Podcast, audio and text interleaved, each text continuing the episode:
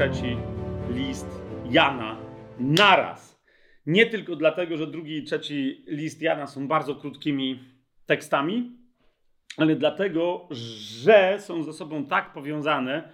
Powód, dla którego sądzę, znajdują się w Biblii e, i drugi i trzeci list jest, tak, e, jest taki, dzisiaj będziemy sobie to pokazywać i wyjaśniać, że myślę, że jasne, że można je rozważać osobno, ale warto spojrzeć na te teksty razem. I zanim tam szybko e, wskoczymy, to wcale nie szybka na początek modlitwa. Ona jest związana z tematem e, tego naszego dzisiejszego studium, drugiego i trzeciego listu Jana, chociaż może być nieco na początku zaskakujące dla Was, skąd weźmiemy podstawę do tej naszej e, modlitwy. A podstawą jest księga Psalmów, Psalm 85. Księga Psalmów, Psalm 85. I zwłaszcza e, cały Psalm 85 jest jednym z tych, które nazywam mm, proroczo-nowotestamentowymi psalmami, ale e, w tym psalmie 85 do dzisiejszego rozważania, zresztą my do tego psalmu dzisiaj, jak dobrze pójdzie, to wrócimy w pewnym momencie, jak będę pamiętał, e, bo, bo temat jest tutaj już i drugiego i trzeciego listu Jana dotknięty i poruszony proroczo. Niemniej Niemniej, zanim to wszystko będziemy ujawniać, interesują, nam, e, interesują nas z tego 85 e, psalmu wersety od 8 do 13. Mm, e, I tak ten psalm nam mówi, tak nas zachęca. Niech to, niech to już nawet jak będziemy to czytać, niech to już się stanie modlitwą naszych, naszych serc. Posłucham, co będzie mówił Bóg, Jahwe. Zaprawdę ogłosi pokój swojemu ludowi i swoim świętym, aby tylko nie wracali do głupoty. Doprawdy jego zbawienie jest blisko tych, którzy się go boją, aby jego chwała zamieszkała w naszej ziemi. Miłosierdzie i prawda spotkają się ze sobą. Sprawiedliwość i pokój ucałują się. Prawda wyrośnie z ziemi, a sprawiedliwość wyjrzy z nieba. Jachwę też obdarzy tym, co dobre, a nasza ziemia wyda swój plon. Sprawiedliwość przed nim pójdzie i będzie wytyczać drogę jego krokom. Panie, w całym naszym studium nie chodzi tak naprawdę o nic innego, jak tylko to jest po prostu jedna z dróg w Twoim ciele są różne drogi. One wszystkie są związane ze słowem, ale czasem niektórych droga jest bardzo mocno związana ze słowem, ze studium słowa, ale wszystkie drogi, wszystkie drogi, Panie, prowadzą nas do tego, aby wydać owoc, aby wydać plon sprawiedliwości, plon pokoju, wydać owoc miłości, miłości wzajemnej, miłości wśród sióstr i braci, ale też miłości posuniętej do granic, miłości na wzór naszego Pana, Twojego Syna Jezusa Chrystusa, która jest nawet miłością do najgorszych wrogów. I dlatego dzisiaj, zwłaszcza dzisiaj, Panie, kiedy rozważamy te dwa e, listy Jana, żeby nie rzec, że liściki e, króciutkie, my wiemy, Panie, że w tym rozważaniu Ty do nas przychodzisz sam, posyłasz swojego ducha. W swoim duchu Ty, e, Twoje słowo, przychodzicie do naszych serc nie po to, żeby poszerzać naszą wiedzę, ale żeby pogłębiać nasze poznanie, które jest poznaniem Ciebie, Panie, które jest poznaniem Ciebie, Boże. A poznanie Ciebie zawsze powoduje, że stajemy się bardziej do Ciebie podobni, im lepiej Ciebie znamy. A im bardziej Ciebie znamy i stajemy się do Ciebie podobni, tym bardziej kochamy. Bo na tym polega podobieństwo e, do Ciebie. Ono zawsze się wyraża podobieństwem do Twojego syna. I dzisiaj, Panie, o taki owoc tego studium Cię prosimy, żebyśmy się więcej e, z tego Twojego słowa dowiedzieli, nie faktów historycznych, ciekawostek, jakieś tam rzeczy, którymi moglibyśmy żonglować i prowadzić szermierkę w dyskusjach teologicznych, ale Panie, chcemy, aby to był kolejny krok e, w, w poznawaniu Ciebie poprzez Twoje słowo, w przyjmowaniu Twojej prawdy do naszego życia, tak, aby to połączenie owocowało plonem miłości, plonem poznania Ciebie, którego zawsze wynikiem, jeszcze raz to powtórzę, jest miłość, Panie. Daj nam, abyśmy trwali w Twoim słowie. Daj nam, wytrwać w Twoich przekazaniach. Daj nam, Panie, wytrwać w Twojej prawdzie. Daj nam, Panie, owocować aż do końca w Twojej e, miłości, abyśmy zachowali wszystko to, co mamy i niczego nie stracili z zapłaty, z którą Ty powracasz, która na nas czeka. Amen. Amen. Pomodliliśmy się. Czemu Psalm 85? No to dzisiaj dla wszystkich uważnych e, się to okaże, a jak nie dzisiaj, to może ktoś sobie potem odsłucha, będzie pamiętał to nauczanie, znowu jeszcze raz od początku sobie go posłucha i powie, a Psalm 85. Tymczasem przejdźmy do tekstów, które dzisiaj będziemy rozważać. E, jak macie e, takie wydanie jak ja, to wystarczy po prostu Biblię otworzyć w jednym miejscu i z lewej strony mam cały drugi list Jana Apostoła, a z prawej strony mam cały trzeci list Jana Apostoła. Drugi i trzeci list Jana. Teraz, e, kochani, będziemy szli e, równolegle, jeszcze raz, tak jak powiedziałem na początku, bo uważam, e, że powód, dla którego te dwa listy znajdują się w ogóle w Biblii, jest ten sam dla jednego i dla drugiego. Tak? ale będziemy się im przyglądać równolegle, tak jak zwykle się przyglądamy e, tekstom biblijnym, biblijnym w ramach e, studium, aż do momentu, kiedy, kiedy nastąpi delikatna, drobna e, zmiana. Niemniej, zacznijmy od początku, czyli kto jest autorem tych listów. Ponieważ fakt, że ktoś tu nadał tytuł, że to jest list Jana Apostoła, drugi czy trzeci, jeszcze nie znaczy, że to jest autor tych listów, tak? Lub też Czemu, możemy zapytać, w Bibliach mamy wszędzie napisane, że to jest drugi list Jana Apostoła, trzeci list Jana Apostoła. Na jakiej podstawie ktoś e, śmiałby taką tezę tutaj stawiać? Otóż, kochani, pierwsze e, i e, istotne, z czym się spotykamy w tych dwóch tekstach, to jest, że autor tych listów się przedstawia. I przedstawia się bardzo konkretnie i w bardzo znaczący sposób. Drugi list Jana Apostoła e, rozpoczyna się od podania nadawcy, który podpisuje się e, pseudonimem, jak niektórzy powiadają, a inni mówią, no taki pseudonim, że to jest tak jakby w Polsce wśród piłkarzy powiedzieć, że Zibi nadał coś na Twitterze. To wiadomo, że chodzi o Bońka. Wiecie o co mi chodzi, tak? Jest jeden Zibi.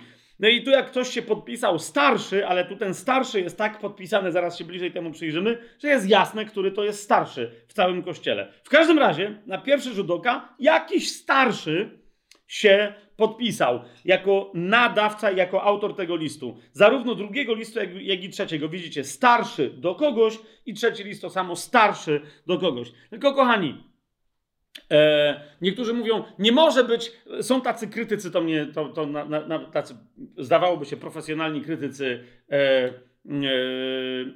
biblijni, którzy mówią, sam fakt, że tu jest jakiś starszy apostoł by się tak nie podpisał. Z całym szacunkiem, e, Piotr przecież w swoim pierwszym liście pisał, ja starszy, do, do starszych ja również starszy, tak?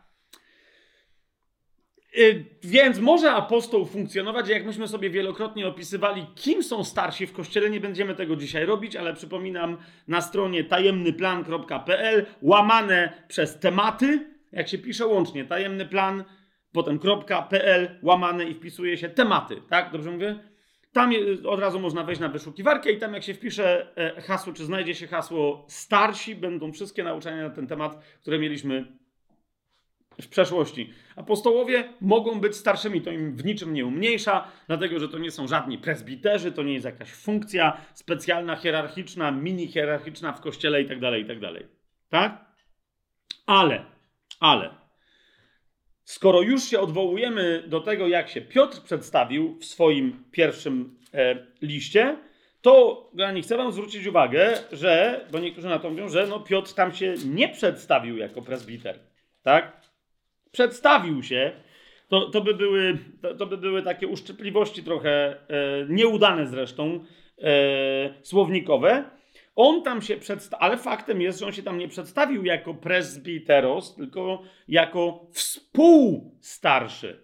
Okay? I to jest fakt, że pisze do starszych, do presbiterów, tak? E, to jest piąty rozdział pierwszego listu Piotra, pierwszy werset pisze starszych, którzy są wśród was, proszę, jako, i po polsku mamy to przetłumaczone jako również starszy. ale dosłownie powinno to być przetłumaczone, bo tam jest jeden wyraz, on tam mówi jako współstarszy. Niemniej idea jest w UBG na przykład dobrze oddana, współstarszy, znaczy tak samo starszy jak wy. Ani żaden lepszy, ani gorszy starszy niż wy. Jest to jasne? Teraz dlaczego się do tamtego faktu odwołuje? Bo apostoł może być starszym. Natomiast jak zobaczycie, jak przedstawia się starszy w drugim liście Jana i w trzecim liście Jana, jest absolutnie, absolutnie wyjątkowe. Dlaczego? Ponieważ mamy list, wiecie, w zasadzie anonimowy, nie bardzo wiadomo do kogo. W drugim liście to jest jakiś Gajus, ale wciąż nie bardzo wiemy, co to za Gajus, tak? Kto ma wiedzieć, ten wie. Chrześcijaństwo jest prześladowane, to jest koniec pierwszego wieku. Tymczasem autor przedstawia się jako ho presbiteros. To jest, rozumiecie, to jest tak, jakby, y, jakby ktoś po angielsku napisał the, tak, na początku. Nie ktoś tam, jakiś tam, jeden z wielu, tak, jakiś starszy, tylko ten jeden konkretny. Jakby wiecie, Jose Mourinho napisał The Special One, tak? Jest tylko jeden specjalny wybrany, The Special One. Jest jeden, tak? Może być wielu special ones, tak? Ale the special one jest, jest jeden, przynajmniej w jego rozumieniu. I tutaj mamy starszego, który pod, już na wstępie podpisuje się ten starszy. Wiecie o co chodzi? On nie mówi, że jest lepszy niż inni, że jest bardziej wyjątkowy, że jest szczególny, że coś nie o to chodzi, tak? Ale wiele osób wskazuje na to, że tak, w czasach, kiedy już wszyscy apostołowie umarli, jako jeden ze starszych może się podpisać tylko jeden starszy, który jest ostatnim z żyjących apostołów. Zgodzicie się? Żeby się podpisać. Ja się nie wyróżniam niczym spośród was, ale żebyście wiedzieli, który to starszy napisał, no to ten jeden, jeden w swoim rodzaju. I wtedy każdy wie, yy, o co chodzi. Tak? Plus, kochani, bo moglibyśmy się tym dzisiaj długo zajmować, ale nie przesadzajmy, że będziemy teraz, rozumiecie, rozkładać stylistykę, gramatykę i tak dalej, i tak dalej w tak oczywistych tekstach. Jeżeli ktoś z Was naprawdę tego potrzebuje, to może sobie poprowadzić swoją własną, swoje własne studium, ale kochani, sprawdźcie słownictwo, dosłownie, jakim się posługuje autor pierwszego, przepraszam, drugiego i trzeciego tutaj e, listu Janowego, tak? Sprawdźcie sobie styl, gramatykę, atmosferę, jak niektórzy powiadają, tematykę. E, wiele osób e, zwraca uwagę, że no tak, e, jak dobrze policzyć, to zobaczycie, że z 13 wersetów drugiego listu Jana na przykład, w zasadzie to zależy jeszcze jak liczyć, ale 8 z nich jest, jest w taki czy inny sposób prawie dokładną kopią wersetów z pierwszego listu Janowego. Nie? I niektórzy mówią, no więc to w takim razie może być równie dobrze, ktoś się może podszywać pod Jana. I teraz tak, tylko wiecie, jak ktoś robi podróbkę, to robi ją po coś. Jak są różne apokryfy i tak dalej, ktoś ma jakąś tezę teologiczną do przepchnięcia, wiecie o co mi idzie? I wtedy udaje, że to jest szesnasty list Piotra, jakiś specjalny, dopiero niedawno odkryty w IX wieku list Pawła, siódmy do późnych Koryntian. No wiecie o co mi chodzi? Te, te, tego typu brednie, tak? Ale skąd my wiemy, że to y, od razu wyczuł, tak? Bo widzisz po pierwsze, że ktoś się bardzo mocno posługuje stylizacją na Pawła, na Jana, na Piotra i tak dalej, ale drugie, widzisz od razu bardzo szybko, jaka teza tam będzie broniona, nie? Co ktoś próbuje tym listem przepchnąć. Tymczasem Powiedz mi, jaką dziwaczną tezę teologiczną ktoś próbuje przepchnąć drugim albo trzecim listem Jana? Wiecie, że to jest takie, e, one dają tak naprawdę więcej pytań niż odpowiedzi na, na cokolwiek, a te oczywiste rzeczy, które przepychają, no to właśnie to jest powtórka pierwszego listu Jana, czy Ewangelii Jana, więc tu jakby ktoś by robił podróbkę po to, żeby napisać to, co Jan i tak napisał, trochę bez sensu, nie? Więc naprawdę nawet najbardziej zagorzali krytycy mówią, nie, to jest dosyć oczywiste, że to jest ten sam autor, który napisał pierwszy list Jana, myśmy tam sobie to wyraźnie pokazali, że to jest um, Jan.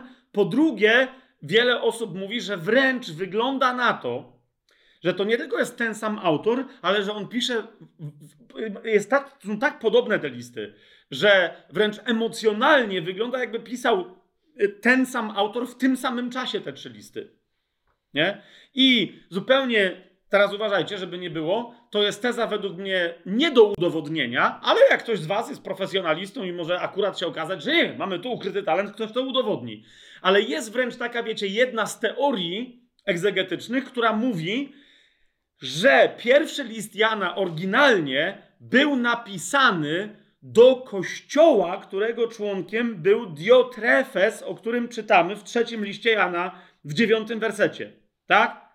Ale on y, sprzeciwiał się Janowi, w związku z tym i od, ten list nie został tam odczytany, on trafił do całego kościoła, ale nie został tam odczytany, w związku z tym Jan napisał w reakcji na to odrzucenie drugi list Jana do kogoś, tak, zaraz sobie będziemy rozważać do kogo, a trzeci list do innego członka tamtego kościoła, do Gajusa, żeby mu wyjaśnić, że on tam się pojawi, ale póki się nie pojawi, to jest tam inny człowiek, mianowicie Demetriusz, czyli w trzecim liście Jana w dwunastym wersecie i że z nim raczej należy trzymać, na Diotrefesa uważać, a z Diotrefesem on się rozprawi jak przyjdzie, ponieważ nie przyjął pierwszego listu apostolskiego. Rozumiecie o co? Dlatego on powtarza tezy z pierwszego listu Jana w drugim i w trzecim liście ten sam autor i niektórzy mówią, że, że po prostu czas jest tak bliski, tematyka jest tak podobna, że wręcz wygląda jakby początkowo to było adresowane do tej samej dosyć wąskiej grupy y, ludzi.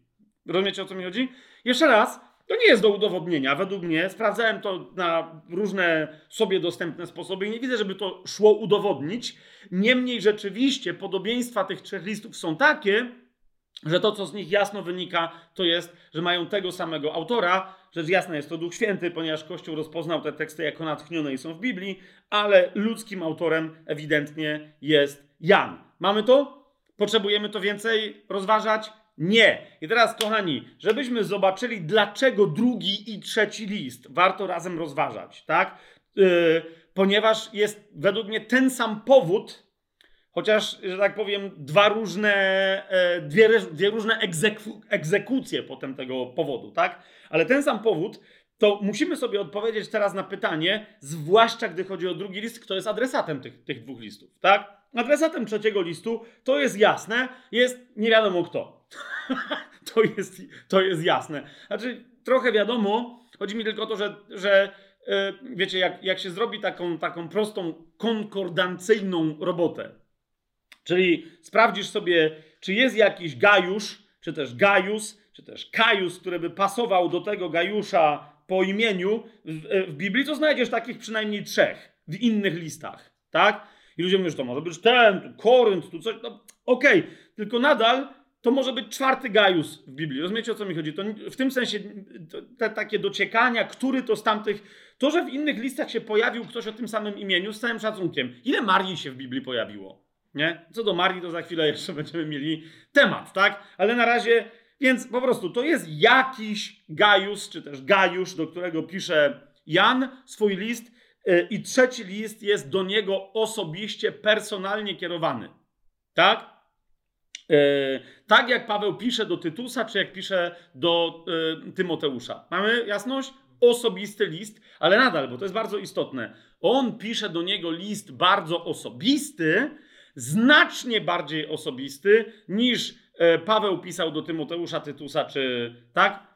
Czemu? Bo tam do nich pisząc, on jednak pisał, pisał do nich w związku z kościołem e, i funkcją, którą w tym kościele pełnili. Rozumiecie, o co mi chodzi?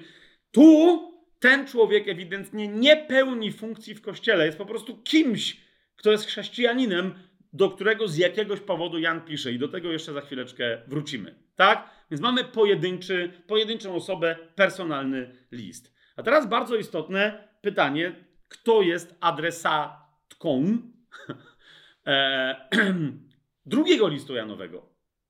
I musimy sobie rozważyć pierwszą zasadniczą kwestię. Kwestię, proszę Was, żebyście bardzo się, bo to jest istotne dla zrozumienia, naprawdę według mnie tych dwóch listów, tak? Ja tak śledząc sobie historię egzegezy biblijnej, naprawdę zauważyłem, jak wiecie, w wielu momentach jest tak, że my wchodzimy w jakąś tradycję egzegezy, jakby wydaje się być jakaś rzecz tak oczywista, że po prostu tak o tak przechodzimy i naprawdę wytrawni egzegeci powtarzają rzeczy, których wcale nie przemyśleli. Nie? Wielu takich egzegetów, których ja osobiście e, e, szanuję, e, gdy chodzi o drugi list Jana, popełniło dokładnie taki, nawet nie powiedziałbym, że błąd, tylko taką nieuważność. Że oni, rozumiecie, w ogóle nie, nie, nie rozważyli tej kwestii e, dogłębnie, kto jest adresatem czy adresatką tego listu. Tak? Tylko weszli w jakiś rodzaj tradycji. I teraz e, jedna z tych tradycji egzegetycznych mówi, że e, drugi list Jana jest napisany do jakiegoś konkretnego kościoła, tak? E, te trzy listy są z jakiegoś powodu nazywane katolickimi, czyli powszechnymi, czyli pisanymi do całego kościoła. Nie mam pojęcia, czemu ten trzeci list miałby być jakiś niezwykle, wiecie o co mi chodzi. To, że, e, to, że ma uniwersalne znaczenie, no to, ale to wszystko w Biblii ma uniwersalne znaczenie, w Nowym Testamencie przynajmniej. Wiecie o co mi chodzi? W taki czy inny sposób. Natomiast to jest konkretny, personalny list. I teraz pierwszy list Jana rzeczywiście jest kierowany bardzo szeroko. Trzeci list Jana mamy konkretnie Gajusza jako odbiorca, ale kto jest tutaj odbiorcą? I teraz e, mamy jedną tradycję egzegetyczną, która mówi, że tutaj pod e, pseudonimem wybranej pani kryje się wspólnota konkretna. Tak? A, e, czyli kościół, jakaś, jakaś grupa, może kościół lokalny, może nawet kościół domowy, ale że to jest kościół. Tak? Inni, e, inni mówią nie, to jest konkretna kobieta, do której pisze Jan. I teraz uważajcie, bo tu musimy, e, rozumiecie, się tym zająć, tak? Mm, wielu, wiele osób wobec tego, słysząc o tym, że istnieje taka kontrowersja egzegetyczna, mówią, no tak, no to tego się już nie da w takim razie, no to jakby tu trzeba się zdecydować, najlepiej jest uznać obydwie te opcje. Z całym szacunkiem, tak? Tego rodzaju wypowiedź wynika z czego? Z bardzo mocnej rzymskokatolickiej tradycji, która nie chce widzieć w tym liście pojedynczej e, e, adresatki. Oraz, i powiem to teraz na głos, nie mówiłem tego, bo nie chciałem korzystać z drugiego listu Janowego jako, wiecie, dodatkowego argumentu, bo on potrzebuje swojego rozważania, ale kiedy mówiliśmy o służbie kobiet w kościele, to to jest jeden z bardzo ważnych argumentów. Tak? Ten list Ponieważ on, moja teza jest taka, jest w ewidentny sposób listem pisanym głównie do jednej osoby i tą osobą jest kobieta. Sęk tylko w tym, że jak widzisz, co to jest za kobieta, to to burzy całą koncepcję zakazu kobiet, yy, dawanego kobietom w służbie kościelnej. Rozumiecie? Bo ona tu ewidentnie yy, jest albo apostołką, jak Junia w liście do Rzymian, skryta tam pod pseudonimem Juniasa, rozumiecie o co mi chodzi? Albo jest kimś naprawdę tak bardzo wpływowym w kościele, że w zasadzie jest prawie apostołką. Jeżeli to jest pojedyncza kobieta, to jest niesamowicie wpływową, e, wpływowym autorytetem w kościele, który ma ogromną odpowiedzialność. I teraz e, Kościołowi rzymskokatolickiemu to nie pasowało, wszystkim tradycjom klerykalnym które nie lubiły kobiet po prostu, to bardzo nie pasowało, żeby taka, rozumiecie, żeby taka interpretacja w ogóle tu była brana pod uwagę. W związku z tym te wszystkie tradycje utrzymują, że tu musi chodzić o kościół, a nie o pojedynczą osobę. Jasne? I teraz ta tradycja jest tak mocna, że jak ktoś się pojawia i mówi, no tak, ale jest pewna możliwość, że to jest pojedyncza osoba, to jest cały czas takie, no owszem, ale musisz brać pod uwagę możliwość, że to jest kościół. Kochani, no, no nie, ponieważ to się kupy nie trzyma, kiedy czytasz tekst. Rozumiecie? E, I teraz, tylko dlaczego o tym mówię? Bo tu nie chodzi o jakieś, wiecie, bycie wywrotowcem i teraz my wiemy najlepiej i tak dalej, tylko naprawdę jest cała konkretna grupa e, biblistów, którzy mówią, ludzie, zobaczcie, co was trzyma przy tej dualistycznej interpretacji. Y, są nawet, wiecie, tacy yy, komentatorzy biblijni, jak na przykład John Stott, którego ja bardzo, bardzo lubię. Niektórzy mówią, że on jest częściowo religijny, tu czy tam, owszem, tak? Ale ogólnie bardzo go lubię, tak? Wiecie, człowiek od krzyża Chrystusa, radykalnego uczniostwa i tak dalej, i tak dalej, tak? I teraz sęk w tym, że on tu, nawet rozumiecie, wie, na przykład on i jemu podobni w komentarzu do, do tego listu nawet się, wiecie, nie zająknął o możliwości, żeby, tą, żeby adresatką tego listu mogła być pojedyncza kobieta. Nawet się nie zająknął. Dla niego to było oczywiste, że wybrana pani to jest Kościół. Oczywiście, przecież eklezja, przecież to cała ta, wiecie, historia, tak? Teraz, więc mając szacunek do tych wszystkich komentatorów, ale jeszcze raz zobaczycie, że znajdziecie takich, którzy mocno obstają za niemożliwością przyjęcia tej interpretacji, tak? Przyjrzyjmy się temu blisko, potem sami zdecydujecie. Ja osobiście uważam, że nie, nie do utrzymania taka y, interpretacja, że to może być Kościół. To nie może być Kościół, tak? To jest adresatką tego listu jest dokładnie kobieta, pojedyncza kobieta oraz jakieś osoby, które jej towarzyszą. Tak jak czytamy w y, pierwszym wersecie drugiego listu Jana, starszy pisze do kogo? Do wybranej pani i do jej dzieci. Teraz co to znaczy te, te dzieci? Więc tu jest konkretna grupa ludzi, tak? Ale jeszcze raz liczy się owa wybrana pani, która e, sam fakt, że ma dzieci, e, już e, ten fakt oznacza, że jest, e, że jest kimś e, w, nie w sensie równości, godności chrześcijańskiej, ale w sensie autorytetu pewnego, że ona jakby, po, no wiecie, matka poprzedza dzieci, tak jak ojciec poprzedza dzieci, jasne? Więc ona e, w sensie autorytetu poprzedza te osoby, tak? To są osoby wokół niej, zgromadzone może w jakimś sensie duchowo, czy jakoś inaczej od niej, nazwijmy to, pochodzące. Wiecie, że daje teraz cudzysłów, tak? E, ale ona tu jest niezwykle e, istotna. Zresztą tę konkretną osobę pozdrawia inna bardzo podobna jej osoba. Zauważcie na samym końcu w 13 wersecie. Mamy pozdrowienia dla tej konkretnej osoby. Pozdrawiają cię, bo kiedy Jan w tym liście pisze do tej osoby i do towarzyszących jej osób, posługuje się liczbą mnogą ale czasem sugeruje, że pewne sprawy ma do załatwienia tylko z nią pojedynczo i tu między innymi mamy właśnie to pozdrawiają ciebie, dzieci twojej wybranej siostry, tak? Więc jest jedna kobieta tutaj, która jest nazwana wybraną panią i mamy jakąś inną kobietę, która jest jej siostrą i z tego naprawdę wynika, że to jest jej rodzona siostra. Jasne? Która też ma dzieci. To jest, to jest istotne. Jest tu pozdrowienia rodzinne przesyła Jan, który po prostu, wujek Jan z podróży po prostu przesyła pozdrowienia. I teraz przyjrzyjmy się, bo niektórzy mówią, zaraz, ale naprawdę jest możliwa podwójna interpretacja. Jest? Dlaczego? Cała ta argumentacja idzie w stronę, no bo po pierwsze, tak ja tu sobie wypisałem, tak, bo jest wiele, wiecie, takich argumentów, nie będziemy się nimi zajmować, bo niektórzy drobią, drobią te argumenty, ale one w ogóle, większość z nich naprawdę nie ma biblijnie sensu. Ale przyjrzyjmy się takim, które mogą mieć sens. Ja znalazłem trzy, tak? Pierwszy argument mówi, że e, w Biblii Kościół to jest eklezja. To jest ona, tak? A nie on. My mamy w języku polskim Kościół, ale w Grece to jest ona. To, że jest wyraz żeńsko-osobowy i po drugie, że Kościół jest przedstawiony, ona, eklezja jest przedstawiana jako małżonka Chrystusa i tak dalej, a więc jest Kościół przedstawiany jako, jako osoba żeńska, jako kobieta. Zgadza się? To to jest pierwsze. Więc może być nazwana e, ta kobieta wybraną, e, może, może, on, może tutaj być wspólnota, która jest no, nazwana w ten sposób. Konkretna eklezja. Mamy to? Dwa. Drugi argument mówi, Piotr, kiedy pisze swój pierwszy list, pozdrawia e, tych, do których pisze, w następujący sposób. Zobaczcie, to jest pierwszy list Piotra, piąty rozdział, trzynasty werset. Mamy tłumaczenia, które powszechnie, e, zauważcie, jak wyglądają. E, w różnych miejscach jakby wszyscy czują, że to jest pozdrowienie kościelne, tak? Czyli pisze, pozdrawia was Kościół w Babilonie, razem z wami wybrany i Marek, mój syn. Widzicie to? I teraz sęk w tym, że tu mamy nie Kościół, zresztą widzicie w UBG nie ma słowa Kościół, tak? A w oryginale zobaczycie, że mamy napisane pozdrawia was ta, która jest w Babilonie, razem z wami wybrana. Nie?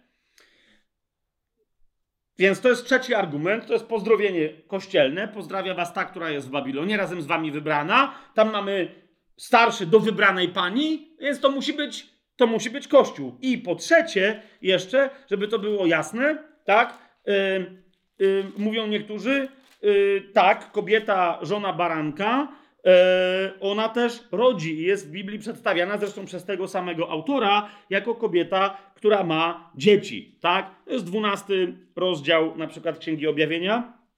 Nie na przykład tylko dokładnie o ten rozdział chodzi, to jest, to jest argument. Tak? E, mm, ukazał się inny cud na niebie, bo tam się pojawiła kobieta, na niebie była brzemienna. 12 rozdział Księgi Objawienia, trzeci werset, ukazał się inny cud na niebie, wielki rudy smok, mający siedem głów i dziesięć rogów, na jego głowach siedem koron i tak dalej. I teraz co on robi? E, szykuje się, stanął przed kobietą, czwarty werset, która właśnie miała urodzić, aby gdy tylko urodzi, pożreć jej dziecko. I urodziła syna e, mężczyznę, dobrze, i kończy się piąty werset stwierdzeniem, i porwane zostało jej dziecko do Boga i do jego tronu. A zatem, a zatem wybrana y, pani, y, dlaczego nie moglibyśmy jej interpretować jako kościoła? Zgadza się? Otóż, kochani, po pierwsze, owszem, eklezja to jest kobieta. Owszem, e, to jest małżonka baranka. Owszem, e, nie będę teraz wchodzić dlaczego. Zgadzam się, że w 12 rozdziale Księgi Objawienia Eklezja jest pokazana, pokazana jako rodząca zwycięzcę, który jest porwany do nieba. Tak? Teraz jest pytanie, czy my tu widzimy poród, bo niektórzy mówią, jak Kościół miałby urodzić Jezusa. Tak? Potem jak będziemy w Księdze Objawienia, czyli już w 15 sezonie, kiedy się ten skończy, w 15 sezonie będziemy między innymi to rozważać, czy tutaj chodzi o Marię, która rodzi Jezusa, czy też chodzi tu o Kościół, który rodzi przez zwycięzców, którzy są godni tego, aby być pochwyconymi przed tron e, Boży w niebie. Rozumiecie o co mi chodzi? Którzy są na wzór baranka. Ma to sens, co, co teraz mówię? Więc ja raczej obstaję przy, przy, przy tej interpretacji, potem sobie wyjaśnimy, e, potem sobie wyjaśnimy dlaczego. E, a więc tak, to może być obraz kościoła, który rodzi dziecko. Tak? Ale teraz, kochani, pierwsza rzecz. Eklezja, okay, w tym rozumieniu, jako pani, która rodzi dziecko, jako pani, która jest żoną baranka i tak dalej, i tak dalej, e, zawsze oznacza całość Kościoła, a nie, mam, nie mamy nigdzie w Biblii przykładu, żeby ktoś się zwracał jako do takiej pani, do pojedynczego Kościoła w Efezie, w Koryncie i tak dalej. Rozumiecie, o co mi chodzi? To jest, to jest pierwsza bardzo istotna rzecz. Druga bardzo istotna rzecz, na którą wielu egzegetów zwraca uwagę. Czyli eklezja, owszem, jest eklezja uniwersalna i jest eklezja lokalna, ale y, y, postać kobiety zawsze odnosi się do całego ciała Chrystusa, tak? W tych, w tych obrazach, o których mówimy, a nie do pojedynczego fragmentu ciała Chrystusa, który jest eklezją lokalną. Ma to sens, co, co mówię? Dobra, dwa, tak? Pierwszy list Piotra, wielu egzegetów mówi, zaraz, powoli, ale skąd my wiemy, że Piotr w piątym rozdziale, w trzynastym wersecie pozdrawia od jakiegoś kościoła? W sensie nie róbmy teraz tautologii, tak? Czyli udowadniamy przy pomocy tego wersetu e, drugi list Jana, że tam jest Kościół, twierdząc, że tu jest Kościół, ale jak chcemy udowodnić, a skąd my wiemy, że tu jest Kościół, to wtedy udowadniamy drugim listem Jana, tak? W sensie mówi, skąd my wiemy, czy to, że to nie jest jakaś konkretna kobieta, która pozdrawia ludzi, którzy wiedzą e, skąd pisze Piotr. Wiecie o co mi chodzi? I że ona ich pozdrawia. Tu nie ma żadnego dowodu, że to jest kościół w Babilonie. Rozumiecie o co mi chodzi? To jest mowa o kimś, o jakim. To może być kościół, to może być eklezja, która jest w Babilonie, ale jeszcze raz, ten werset nie może stanowić dowodu, że. E, że, że, że, że, że, e, że, że panią może, można nazywać kościół, bo tu nie ma w ogóle takiego połączenia. Ma to sens, czy muszę tu w to wchodzić głębiej? Nie, dobra. I teraz trzecia rzecz, kochani. Autorzy w Biblii posługują się pewnymi wzorcami. Ok? Kościół, kiedy jest pokazany uniwersalny w Biblii, zwłaszcza u autora, którym jest Jan, to jest cały czas ten sam autor tak? Autor Ewangelii Jana, trzech listów i Księgi Objawienia. Zgadza się? U niego istnieją wzorce, i teraz uważajcie, wzorzec kobiety jako kościoła, który rodzi, jest zawsze wzorcem, w ramach którego ta kobieta rodzi pojedyncze dziecko, a nie rodzi dzieci, liczba mnoga. Kapujecie? Kobieta, która rodzi, czy niekoniecznie kobieta, ktoś, kto ma dzieci, liczba mnoga, owszem, może reprezentować Kościół, owszem, i reprezentuje na różne sposoby, ale nigdy nie reprezentuje uniwersalnego Kościoła. Tak? Kościół uniwersalny jest reprezentowany przez kobietę, która rodzi jedno dziecko. Jasne? Natomiast w drugim liście Jana mamy kogo? Mamy kobietę, która ma wiele dzieci. Czy to jest jasne? Czy to jest jasne, o czym, yy, o czym mówię, tak? Jest? Starszy do wybranej pani i do jej dzieci, liczba mnoga. Tak? Dlaczego to jest istotne? Jeszcze raz powtarzam, ponieważ istnieje u Jana wzorzec kobiety z dziećmi, ale on się, yy, on się, inaczej, yy, on się inaczej stosuje. Okay? On się inaczej, yy, on się inaczej stosuje. A więc tamten obraz się nie może odnosić tutaj do, do tego sformułowania. Tak? Argument, więc te argumenty za, one naprawdę są nie do, niespecjalnie do utrzymania. Teraz argumenty przeciw. Dlaczego to nie może być Kościół? Pierwszy argument, tak? Argument, e, e, że tak powiem, z imienia i nazwiska, nie?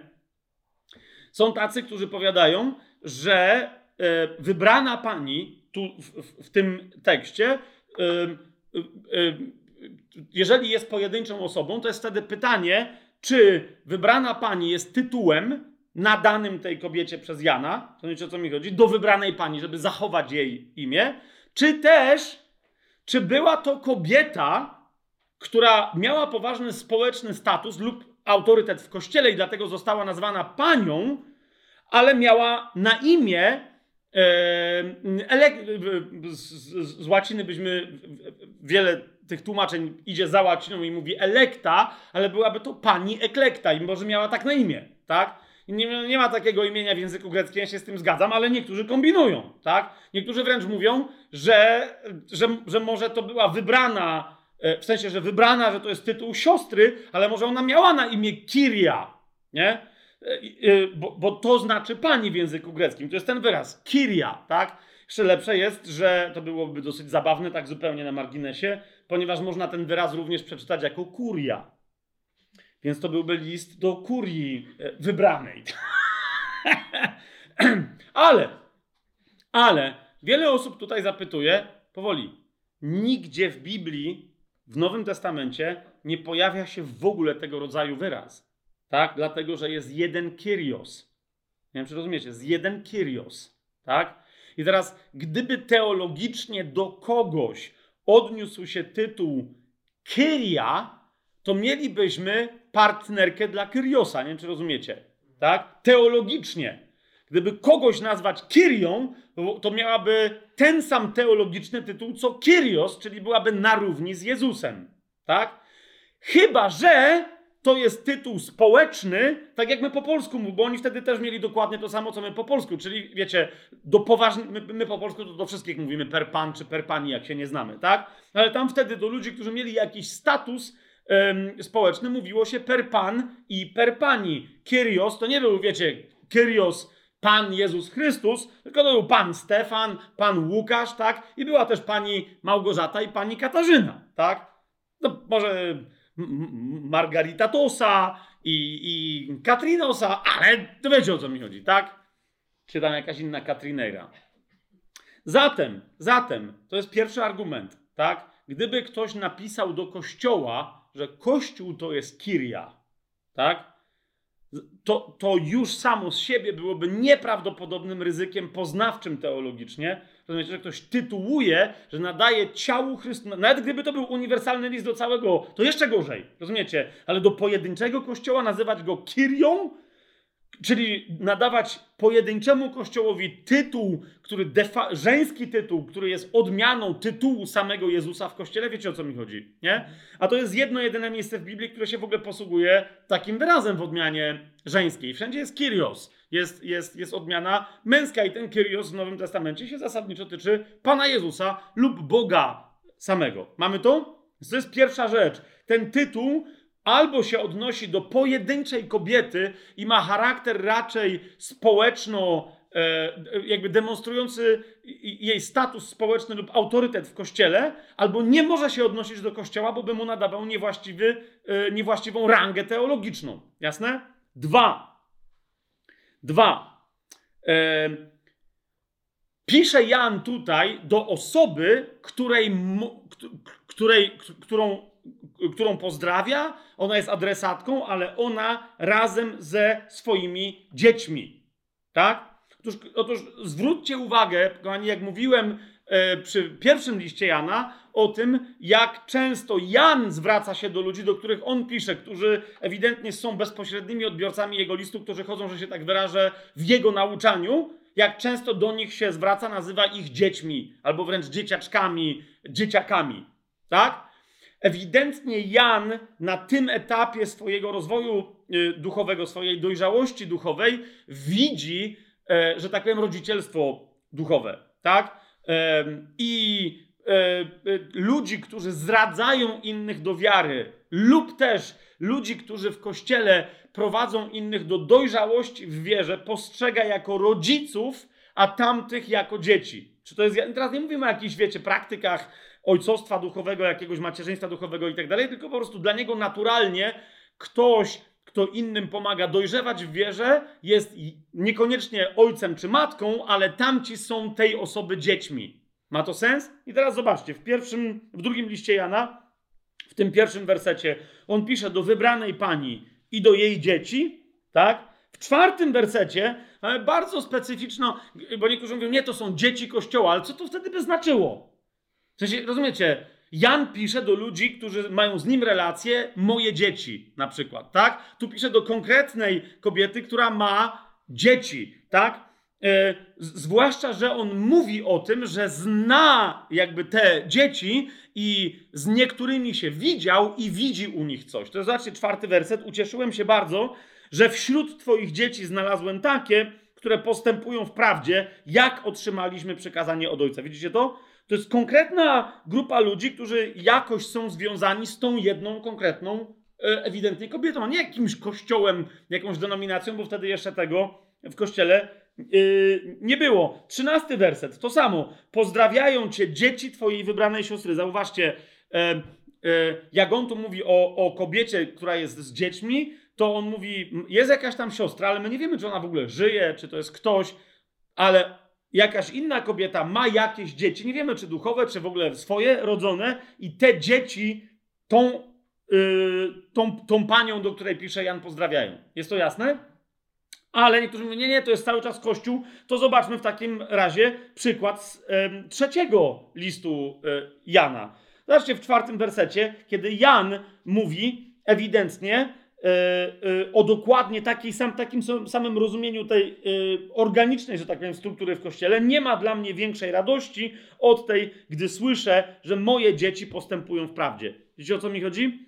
To są czyje dzieci? To nie są, rozumiecie, to są jego dzieci, to, to są jego wychowankowie w wierze, tak? A tu jest jakaś kobieta, która ma swoich wychowanków w wierze. Czy to jest jasne? I jakaś inna kobieta, która też ma swoich wychowanków, którzy pozdrawiają tę kobietę, do której pisze Jan, który ma swoje dzieci w wierze. Widzicie o co mi chodzi? Widzimy, yy, widzimy ten, ten wzorzec? I teraz druga bardzo istotna rzecz. Gdzie my znajdujemy dosyć specyficzne potwierdzenie takiego układu? Tak?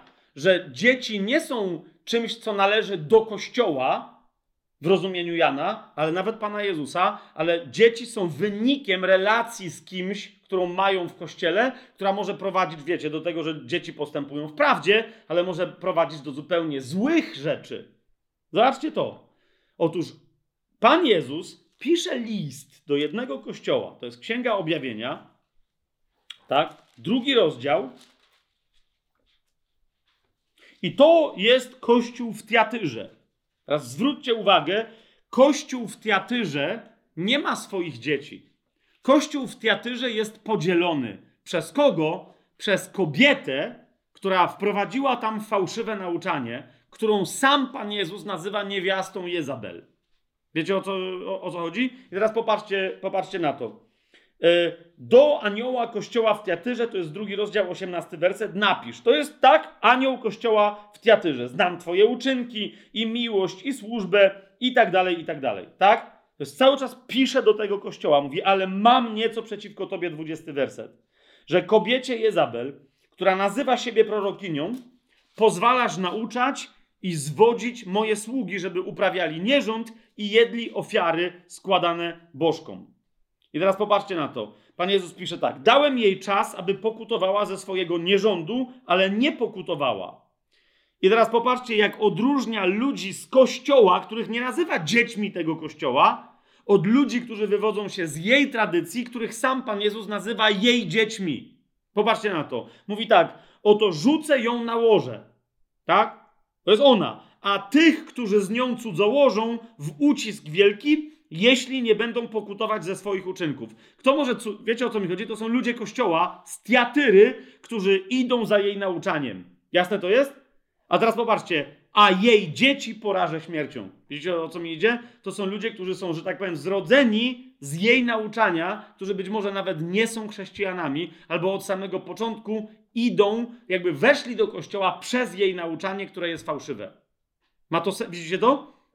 Więc to jest to. Dzieci nie są e, we wzorcu, że tak powiem, kościelnym, w cudzysłowie Jana, nie są dziećmi kościoła. Tak? Kościół lokalny nie jest ich matką, natomiast konkretna osoba nauczająca, konkretna osoba prorokująca i tak dalej, staje, która jest wzorem dla tych osób, staje się dla nich rodzicielką lub rodzicielem, matką lub ojcem. W sensie te osoby stają się takiej osoby dziećmi. Ma to sens? Więc jeszcze raz, zobaczcie, to jest konkretna kobieta w ramach kościoła, który nie ma żadnych dzieci, tak?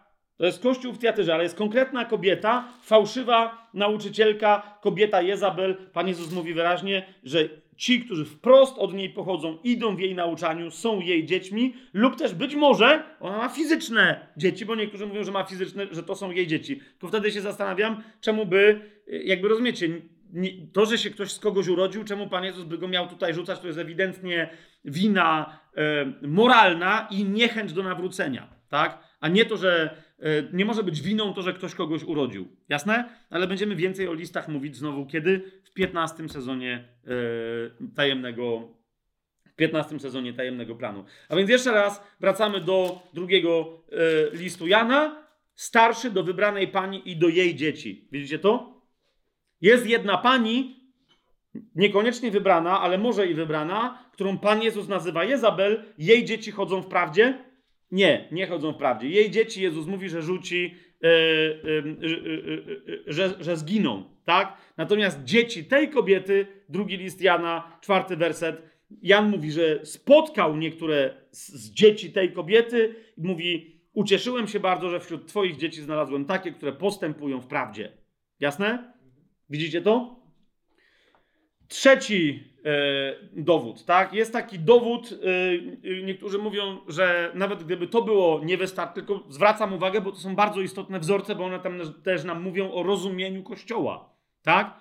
Ale wielu egzegetów mówi e, e o tym, że to jest list skierowany do pojedynczej osoby, świadczą wersety 10 i 12, tak? Jeżeli to nie jest list skierowany do pojedynczej osoby, te wersety nie mają absolutnie najmniejszego sensu. Po prostu. Dlaczego? Najpierw werset dziesiąty.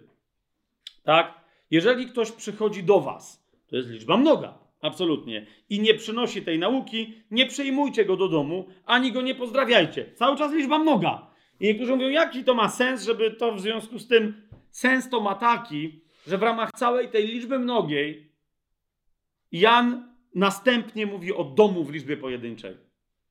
Ja mówię, niezależnie od tego, ilu ludzi przyjdzie, ilu, do ilu osób on się tu zwraca, to jest taka liczba ludzi, że mieszka prawdopodobnie w jednym domu. Tak? On mówi, nie przyjmujcie takich fałszywych nauczycieli do siebie, do domu.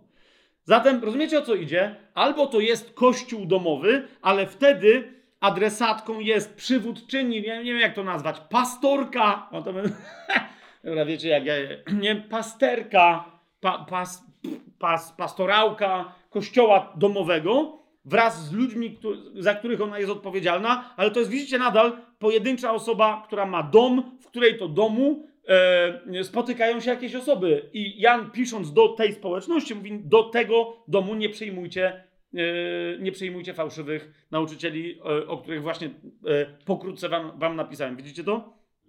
A teraz, jakby tego było jeszcze e, mało, pojawia się przesławny, przesławetny gwóźdź do trumny e, koncepcji, e, że wybrana pani mogłaby być kościołem. To jest mianowicie werset 12.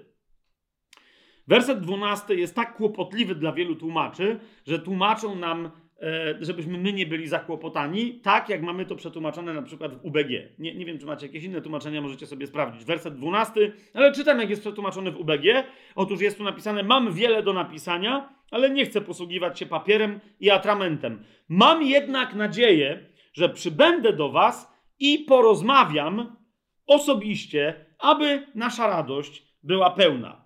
No i teraz. Yy, okazuje się, że e, również absolutni, rozumiecie, e, próbujący być bardziej wierni tekstowi, ale wciąż próbujący uniknąć zakłopotania czytelnika, tłumacze na przykład King James, przetłumaczyli tu w tym miejscu, że e, mam jednak nadzieję, że przybędę do was i porozmawiam z wami. Tam jest określenie face to face, twarzą w twarz. Ok? Otóż, kochani, jak my sobie, ja teraz nie pamiętam za dokładnie, nie zrobiłem sobie też notatki, Mm, ale na przykład określenie face to face, to my znajdziemy rzeczywiście jako face to face, czyli twarzą w twarz, mm, e, z pamięci, e, e, nie przypomnę sobie teraz, zresztą nie mam potrzeby, żebym sobie przypominał, ale określenie, gdzie rzeczywiście pojawia się twarz, cała twarz człowieka i stwierdzenie twarzą w twarz. pojawia się na przykład w 13 rozdziale pierwszego listu do Koryntian, tak? W 12 wersecie tam czytamy, Teraz bowiem widzimy w zwierciadle niewyraźnie, ale wówczas twarzą w twarz. Nie? I, I my tu zauważcie, nie ma żadnego problemu dla tłumacza UBG, żeby nam przetłumaczyć twarzą w twarz jako twarzą w twarz. Dlaczego? Bo tam jest twarzą w twarz. Chodzi o to, że ja na przykład teraz patrzę sobie za kamery, tam siedzi siostra Katarzyna i, ją, i patrzymy na siebie, widzimy się twarzą w twarz. Widzimy się? Widzimy się. Obok siedzi jej mąż, żeby nie było tak, i widzimy się z bratem Łukaszem twarzą w twarz. Jest twarzą w twarz, dosyć daleko za tą kamerą, ale jest twarzą w twarz. Otóż, kochani, w dwunastym wersecie jest mowa o spotkaniu jeszcze bardziej, że się tak wyrażę, intymnym, ponieważ tu pojawia się przesławne określenie stoma prostoma, co znaczy usta w usta. Więc rozumiecie sami, że jest nagle, co tam się będzie działo? Niektórzy jakieś wysnuwają koncepty, że to jakiś, wiecie, że to jest tajemny znak, że się spotkam się i będziemy się całować usta w usta. Niektórzy stamtąd z tego określenia wysnuwają, że to był, czyli to był, to był pocałunek pokoju. Oni się całowali usta w usta. No gdyby tak było, to Breżniew też przekazywał pocałunek pokoju wszystkim, yy, wiecie, sławnym komunistycznym politykom, bo on wszystkich całował usta w usta, tak? Tutaj o co chodzi? To jest określenie, które jest znane z literatury jako określenie e, e, na rozmowę osobistą. Tam, rozumiecie, patrząc na kogoś twarzą, spotkać się z kimś twarzą w twarz, tak? To, powiedzielibyśmy, tutaj chodziło o to, że to, tu, tu jest mowa o rozmowie w cztery oczy. Jest to jasne? Możesz z kimś być twarzą w twarz i mogą być świadkowie tego spotkania. Tu chodzi o rozmowę w cztery oczy, tak? For your ears only. Tak? Tylko dla Twoich uszów. Ja mówię do, czyli moje usta mówią do Twoich uszów, a Twoje usta mówią do moich uszów. Nie ma żadnych uszów i żadnych innych ust w ramach tej rozmowy. Wiesz o co mi chodzi? Teraz, że chodzi o coś takiego, po, rozumiecie, o pojedyncze spotkanie. Niektórzy mówią, no ale tu jest liczba mnoga, tak? Liczba mnoga, która wszakże mówi, że Jan mówi: Przyjdę do tego pojedynczego domu i chcę z każdą i z każdym z was pojedynczo porozmawiać. Z kim? Z wybraną panią i z jej dziećmi. Czy to jest jasne? Tak? Te dokładnie to samo określenie pojawia się gdzie? Żebyście zobaczyli, że ono dokładnie to oznacza. Pojawia się w trzecim liście Jana, tak? który jest ewidentnie kierowany tylko i wyłącznie do jednej osoby. I jemu też dokładnie Jan pisze to samo. Mam bowiem nadzieję, że zobaczę Cię wkrótce, a wtedy porozmawiamy usta w usta. To jest dokładnie, do, dokładnie to samo określenie. Stoma prostoma. Czy to jest jasne? I teraz, jak sobie sprawdzicie, to naprawdę to nie jest jakieś takie. Naprawdę to oznacza usta. Tak? I jak sobie sprawdzicie ten wyraz tłumaczony we wszędzie, yy, to już są jeszcze różne tłumaczenia, ale w, w, w, w, większości tłumaczeń, które ja znam, polskich czy angielskich, we wszystkich innych miejscach w Biblii, to określenie usta w usta, znaczy stoma, czyli usta, powinno być tłumaczone jako usta. I wszędzie jest tłumaczone jako usta. Tu nagle się pojawia rozmowa osobista. Ok? Raz nie wiadomo co, to jest dokładnie rozmowa w cztery oczy, pojedyncza z pojedynczą osobą. Tak? To jest rozmowa którą Jan obiecuje Gajuszowi, to jest rozmowa, którą Jan obiecuje wybranej pani i później być może także, yy, yy, yy, także jej dzieciom, tak? Ale zwróćcie uwagę, że liczba, że liczba mnoga też się pojawia w 14 wersecie trzeciego listu Janowego, ponieważ są dwie osoby do rozmowy i dlatego Jan mówi, że porozmawiamy sobie usta w usta. To no po prostu taki taki idiom y, grecki, on tu nie oznacza wymienienia pocałunków nawet, czy niczego takiego, tylko po prostu rozmowę bardzo bliską tylko i wyłącznie dwóch osób. Czy to jest jasne? Tak? Teraz, jeżeli nawet Jan y, w przypadku drugiego listu y, pisząc miał na myśli parę rozmów, to miał na myśli parę rozmów z pojedynczymi osobami w tym pojedynczym domu, o którym on mówi, żeby do niego nie przyjmować fałszywych nauczycieli. Jasność?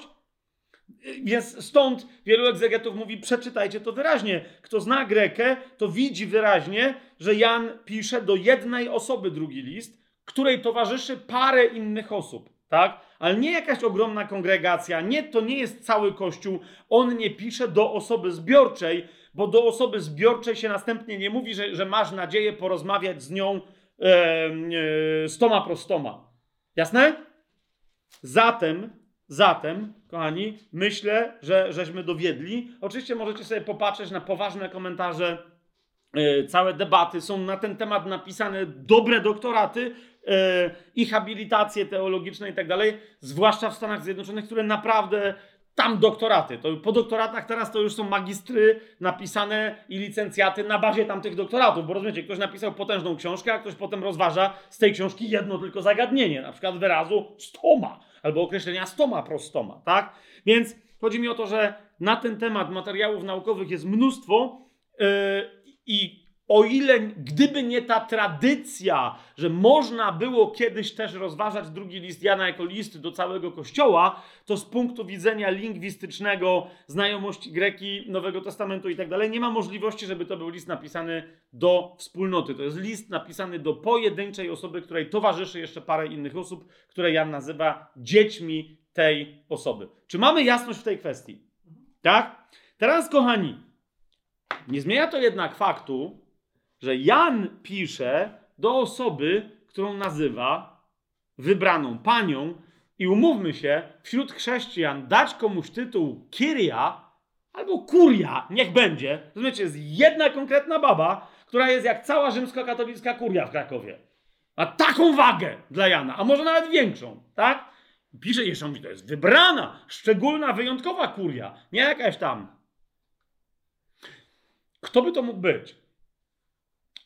Z mojego punktu widzenia niespecjalne to ma znaczenie, ale musimy o tym sobie powiedzieć, że jest taka tradycja egzegetyczna, która mówi, no kto by to mógł być? No przecież wiadomo, kto by to mógł być. No przecież to jest tylko jeden. Jeżeli to już ma być jedna osoba, to musi być Matka Boska.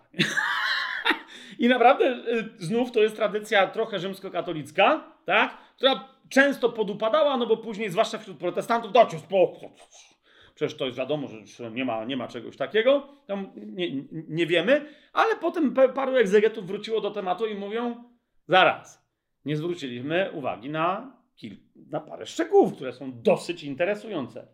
Ja wam o tych szczegółach uczciwie teraz powiem, ale od razu mówię, żeby potem nie było. Osobiście uważam, że to jest nie do udowodnienia, żeby Jan pisał do matki Jezusa. Teraz, czy jest możliwe, że Jan pisze tutaj do matki Jezusa?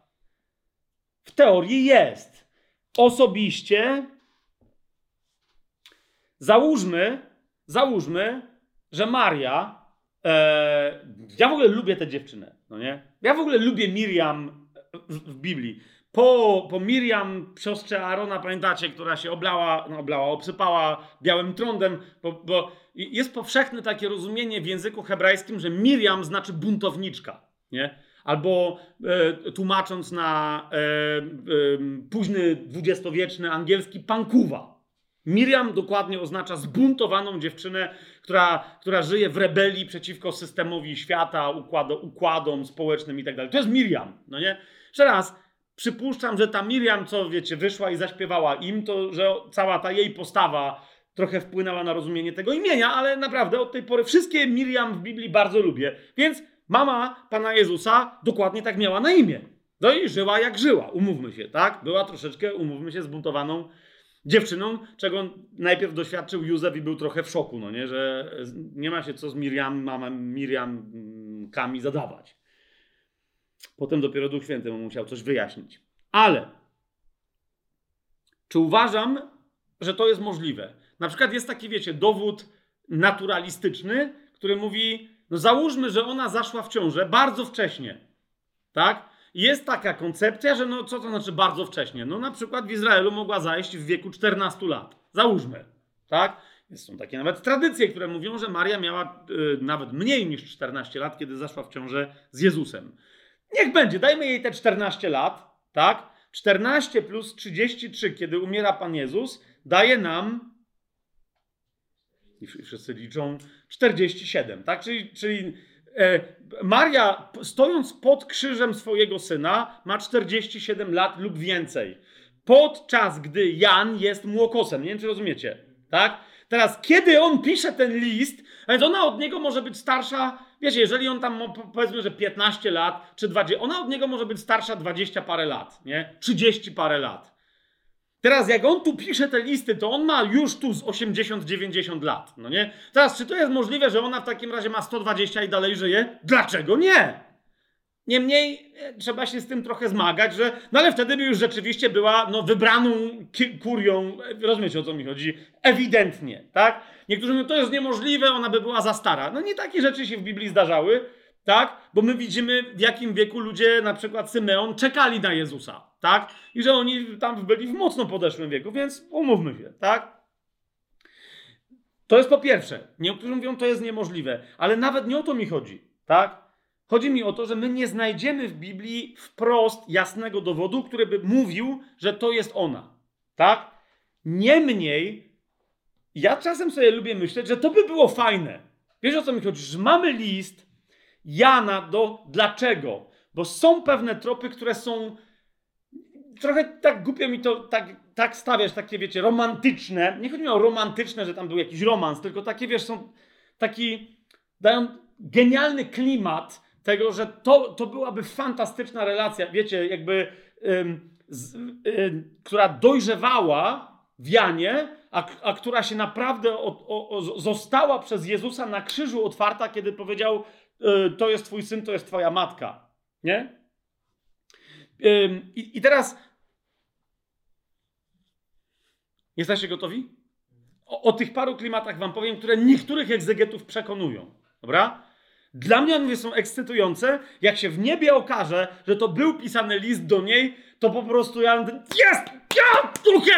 Super! Będę naprawdę będę kibicuję, żeby to był ich. No jak nie jest, to też co zrobić, no nie? Mógłby być.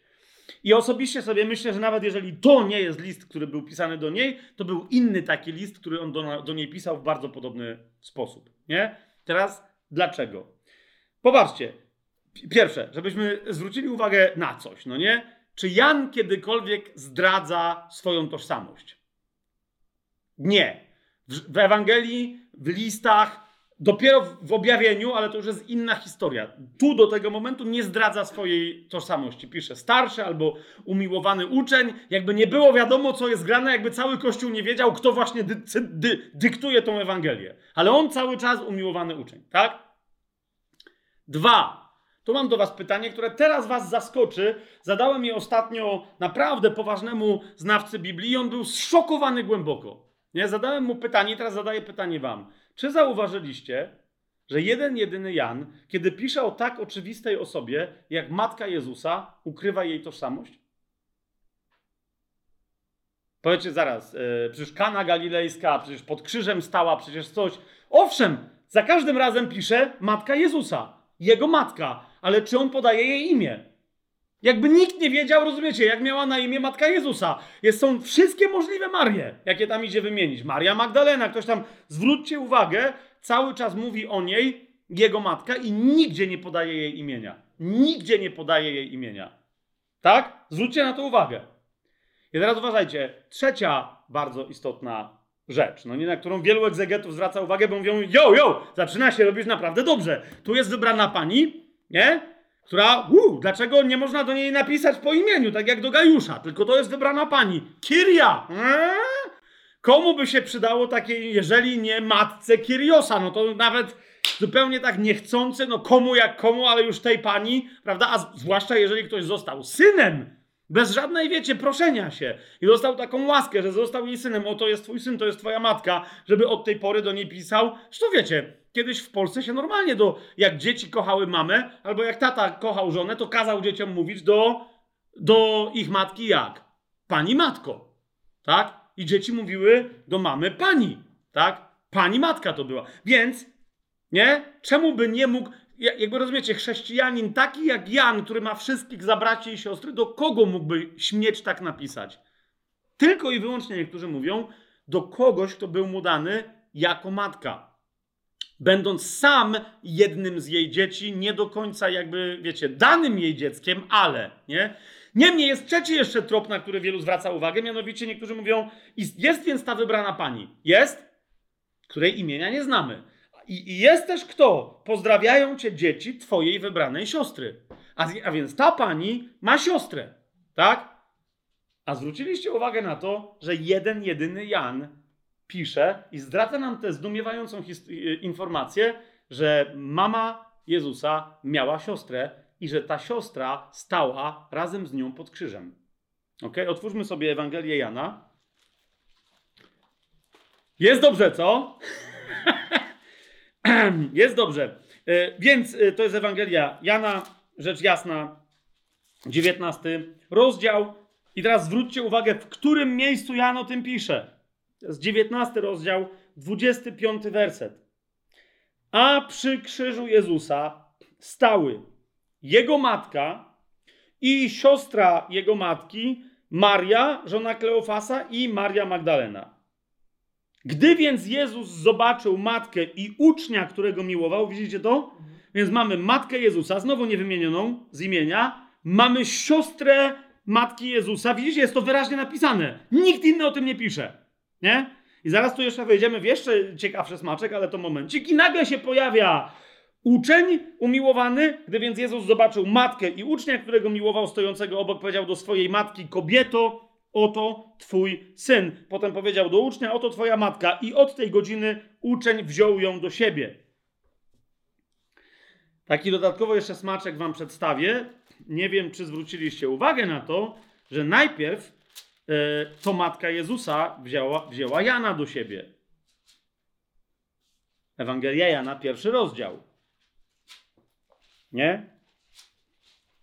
Jak się dwóch uczniów dowiedziało, a jednym z nich był Jan. Oto baranek Boży. I Jan Chrzciciel pokazał im Jezusa. Zwróćcie uwagę. E, podeszli do niego, to jest pierwszy rozdział, 38 werset. Jezus odwróciwszy się i ujrzawszy, że idą za nim, zapytał ich, czego szukacie? A oni mu odpowiedzieli, rabbi, co się tłumaczy mistrzu, gdzie mieszkasz? Powiedział im, chodźcie i zobaczycie. Poszli więc i zobaczyli, gdzie mieszka. I zostali z nim tego dnia, bo było około godziny dziesiątej. Wielu egzegetów mówi, że w tym momencie jeszcze Jezus mieszkał z matką. Potem jest dopiero Kana Galilejska, widzicie o co mi chodzi, i potem dopiero się trochę ich drogi rozeszły. Dla Jana to było tak wielkie przeżycie, że pisze, która to była godzina, jak, jak oni tam przyszli i zostali. On wtedy poznał Marię. Nie? Ale jeszcze raz, nie ma na to dowodu, nie będę teraz w to wchodził, e, tylko ewidentnie musiał przyjść do miejsca, gdzie mieszkała też Maria.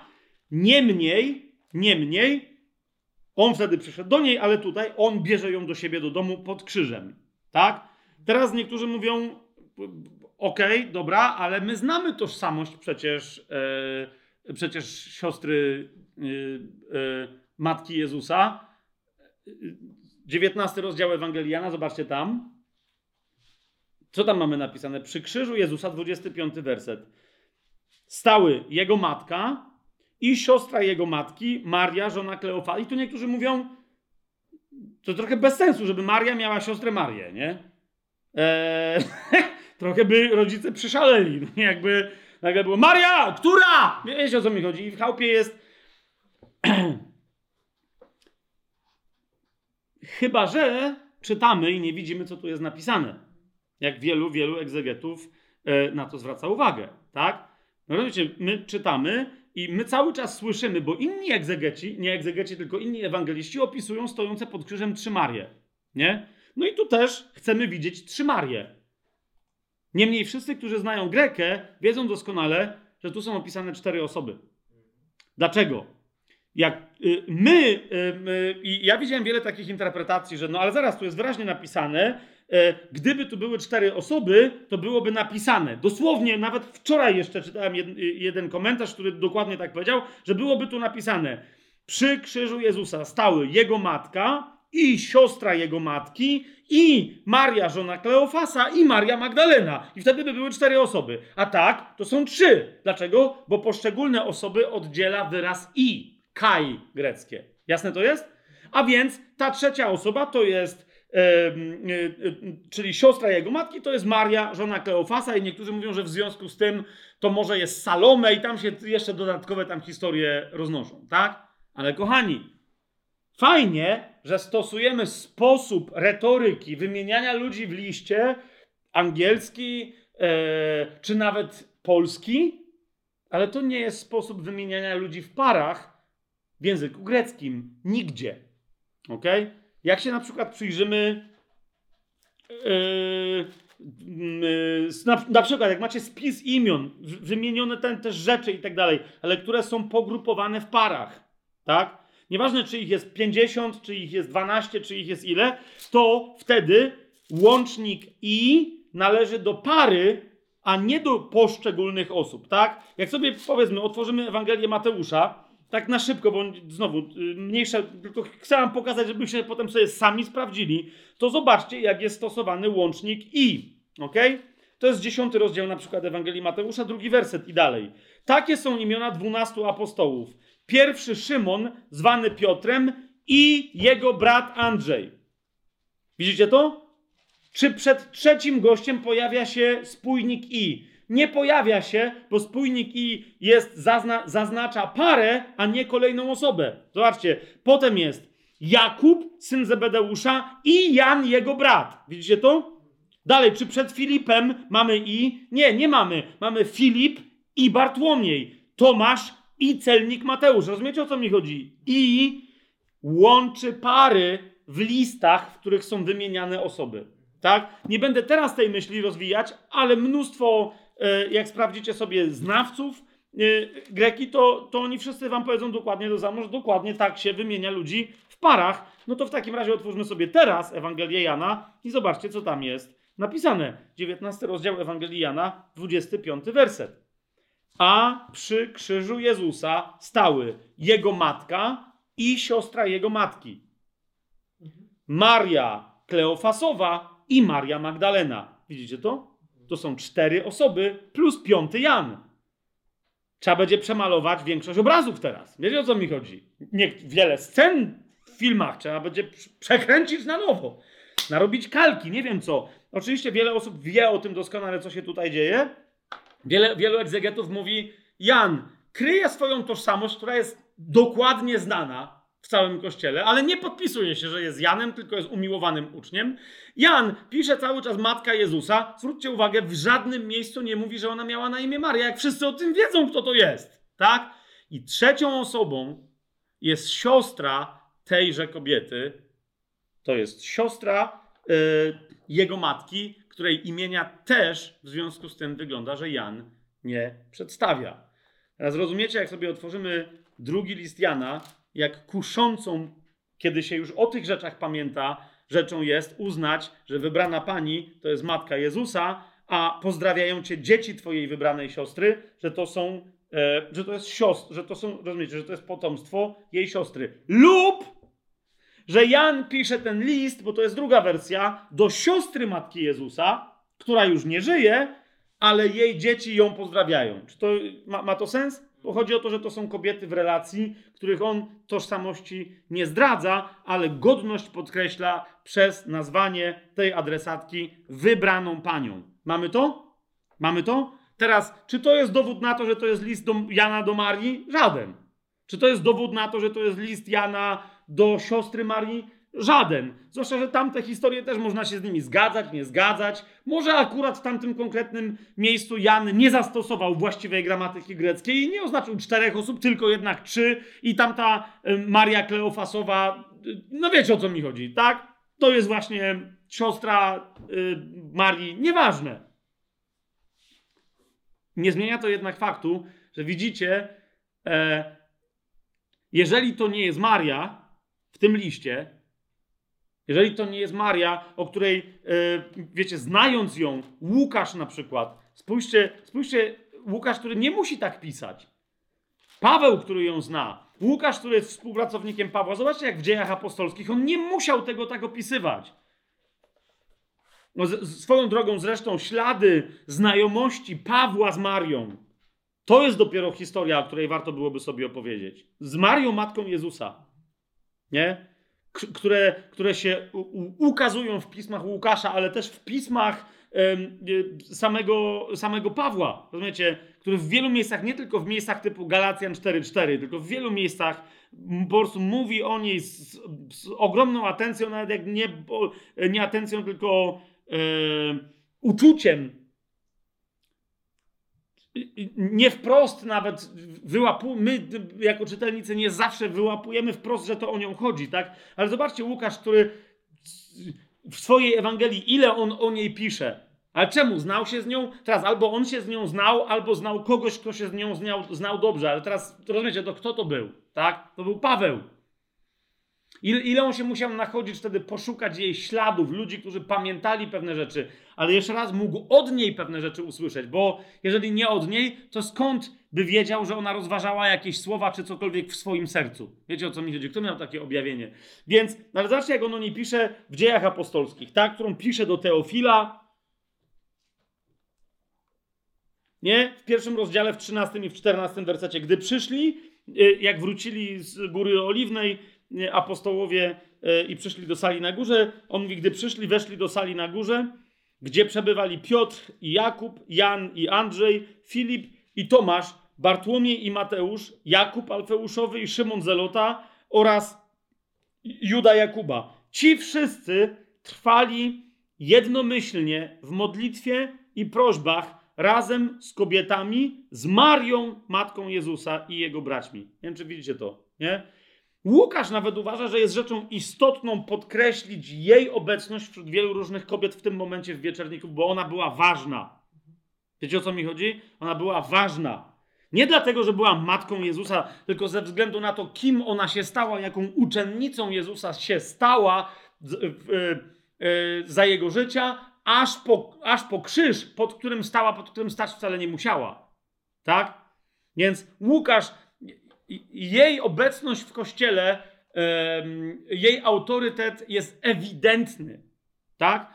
Więc jeszcze raz powtarzam, jeżeli nawet drugi list Jana nie jest pisany do niej, to e, ona jest dobrym, dobrą figurą, rozumiecie, e, odwzorowującą godność i jakość kobiety, do której pisze drugi list swój Jan. Czy ma to sens, co teraz powiedziałem? Jeżeli to nie jest Maria Matka Jezusa, to jest kobieta w autorytecie w kościele bardzo, ale to bardzo do niej podobna. I teraz, kochani, jak już mamy, kto napisał, do kogo napisał, kiedy to było napisane, bo to bardzo łatwo, wiecie, te rzeczy wytyczyć, no to teraz by trzeba było tego napisać, jak, e, powiedzieć, jaki jest cel napisania tych listów, bam, mamy skończone, tak? Niemniej, niemniej, cel jest oczywisty, cel jest prosty, cel jest dokładnie taki sam, tylko, yy, tylko ściśnięty do granic możliwości. To jest to samo, po co i drugi, i trzeci list jest napisany zasadniczo po to, po co jest napisany pierwszy list. I no, zgodzicie się, się ze mną, jak, jak, jak pamiętacie nasze wprowadzenie do, do, do pierwszego listu i zobaczycie drugi i trzeci, czy, czy, czy je nawet dobrze już w tym momencie znacie. Ja chcę teraz powiedzieć, nie tyle o celu napisania tych listów, co bardziej o celu ich pojawienia się w ogóle w Biblii jako tekstów natchnionych. Rozumiecie? E, a więc nie tyle e, ustalmy cel napisania tych listów, bo on jest dość oczywisty, co raczej znaczenie pojawienia się tych listów jako tekstów natchnionych w Biblii. Dobrze?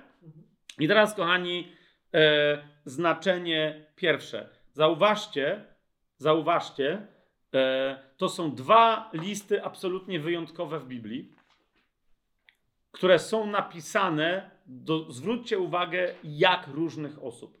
Kim jest, przyjrzyjmy się dobrze, e, adresatka pierwszego listu i kim jest, e, znaczy z tych dwóch, czyli drugiego listu Jana i kim jest adresat trzeciego listu. Ok? To będzie pierwsze znaczenie. Jak, jak przyjrzyjcie się dobrze, sami sobie teraz spróbujcie w duchu odpowiedzieć, co to są za osoby. Dlaczego Duch Święty uznał, że to są ważne osoby, a te listy zostały uznane za listy katolickie, czyli powszechne, które się tyczą całego Kościoła? Zobaczcie, po pierwsze, drugi list jest napisany do kobiety. Do kobiety, którą, która ewidentnie e, ma swoje dzieci duchowe. Tak? do kobiety, która nie stanowi wyjątku w kościele, do kobiety, która ma autorytet w kościele, który to autorytet ktoś taki jak Jan, ho presbiteros, rozumiecie? On mówi, ten starszy, on się tak podpisuje i on do jakiejś kobiety w kościele pisze do wybranej pani, ok? Nazywa ją Kirią, do wybranej pani. Rozumiecie, jak on autorytet podkreśla. Potem mówi pani, y, bo niektórzy mówią, no tak, ale nie wszystkie jej dzieci e, postępują w prawdzie. W czwartym wersecie drugiego e, listu Jan nie mówi o tym, że nie wszystkie jej dzieci postępują w prawdzie, tylko że on nie spotkał się z wszystkimi jej dziećmi. Rozumiecie? Chodzi o to, że jest ich mnogość, ale on mówi, z tych dzieci, które spotkałem, te postępują w prawdzie. I to jest niesamowite świadectwo. Czy to ma to sens? E, żeby dobrze zrozumieć, e, co ten, to zdanie oznacza. Nie, że niektóre są, nie postępują w prawdzie, tylko że on nie z wszystkimi się spotkał, czyli że jest ich dość dużo, tak?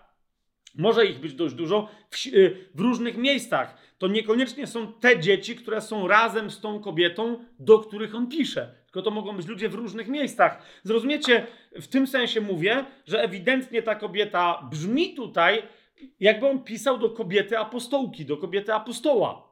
Jakby takiej, wiecie, Juni, sławnej wśród apostołów, tak? Jest interesujące, bo dzisiaj Junię mamy też ze sobą, no nie? więc nomen omen, bo ktoś tu postanowił sobie na przekór całemu konserwatywnemu, tradycyjnemu kościołowi, który nie lubi kobiet, nazwać swoją córkę Junią. No, mo, no popatrz, jeszcze dzisiaj ją przyprowadził, nie wiedząc o co chodzi. Więc to jest to. Mamy, rozumiecie, kobietę, i, I bez żadnego tłumaczenia, że jej wolno, że jej coś, że to jest wyjątek. Dlaczego? Ponieważ e, e, ta kobieta, jak mówię, nie stanowi jakiegoś e, czegoś wyjątkowego, dlatego że jest jakaś inna kobieta, która jest do niej podobna, też ma swoje duchowe dzieci, które tą kobietę pozdrawiają. Rozumiecie o co mi idzie? Więc to jest pierwsza rzecz. Kobieta w służbie, kobieta w autorytecie, kobieta w odpowiedzialności, kobieta jako bardzo ważna w jakiejkolwiek funkcji, jaką ma w kościele. Tak? Jeżeli ktoś powie, że my nie mamy z e, historycznych tam dowodów z e, początków kościoła, mamy mnóstwo dowodów na to, że nie było żadnych różnic między kobietami i mężczyznami, ale chodzi mi o to, że sama Biblia to wyraźnie pokazuje. Okay? Jeżeli gdzieś chcemy zobaczyć kogoś, kto nie jest. Inna rzecz, że co to znaczy. Niektórzy mówią, no ale to są tylko diakonise. Jakby, wiecie, znaczy, tylko. Dia... Mhm. To nie są presbiterki czy tam biskupki, to są tylko diakonise. Jakby wiecie, to, to, są, to są rozróżnienia, że wiadomo, diakon jest najniżej, potem jest presbiter, a jeszcze wyżej biskup. Później ewentualnie są apostołowie, wszechwładcy, papieże i tak dalej. Rozumiecie, ale to nie jest, przecież Biblia nie mówi, że to jest taka hierarchia. Kim innym jest diakon, czy, yy, czy diakonisa? Inna rzecz, że, że, że nie były żadne, żadnych diakonis, tylko wszyscy byli nazywani diakonami. Kobiety, yy, kobiety też. I nie ma podstaw, żeby nie widzieć wśród starszych kobiet, czy wśród odpowiedzialnych yy, wizytatorek, yy, wśród wizytatorów, żeby nie widzieć kobiet. Rozumiecie o co mi chodzi? Ja nie, nie widzę takich, mm, takich podstaw. Mamy mnóstwo przykładów tego w Biblii, ale najlepszym przykładem kobiety. Rozumiecie, nie ma żadnego faceta w Biblii poza Panem Jezusem w Nowym Testamencie nazwanego Kiriosem. Tak, wiecie. A tu nagle mamy kobietę, która w kościele jest nazwana wybraną panią. Więc to naprawdę o czymś świadczy. I z drugiej strony, kochani, mamy list do nikogo. Bo ten Gajus, wiecie, niektórzy na siłę E, Paweł jakiegoś Gajusa pozdrawiał, od Gajusa ktoś kogoś pozdrawiał i tak dalej. Ale chodzi mi o to, nie. W liście do Gajusza, do Gajusa mamy dwie osoby, które coś znaczą w kościele. Tak? Mamy, zobaczcie w trzecim liście, w dziewiątym wersecie, mamy niejakiego Diotrefesa, który chce być pierwszym, pierwszym w kościele, a, a więc ponad nimi. Chce o wszystkim decydować. Tam zresztą Widać, że on tam decyduje, rządzi nimi, każe im coś, rozkazuje, wyrzuca ludzi z kościoła. A więc już mamy takiego, wiecie, takie zaczątki kleru. Mamy kogoś innego, komu bracia i siostry wystawiają dobre świadectwo, mianowicie w 12 wersecie niejakiego Demetriusza.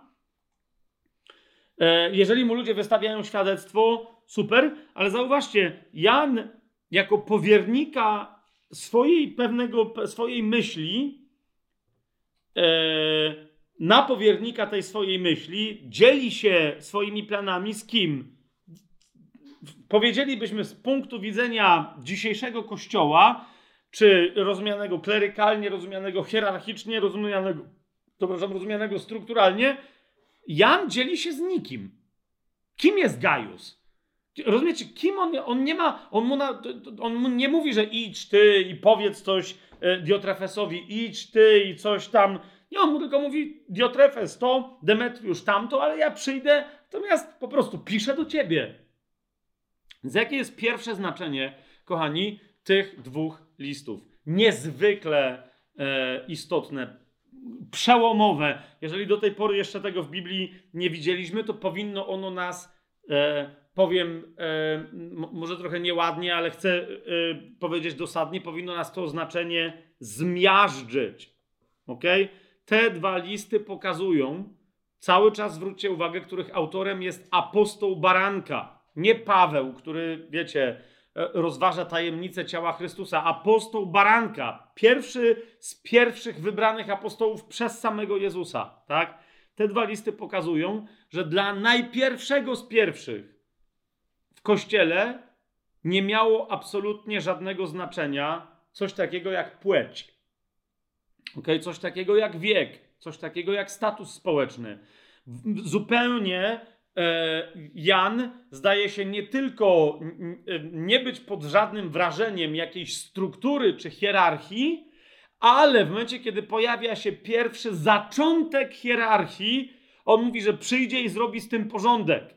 Jeszcze raz, zobaczcie trzeci list Jana, dziewiąty i dziesiąty werset. Napisałem do kościoła, lecz Diotrefes, który chce być pierwszym wśród nich, nie przyjmuje nas.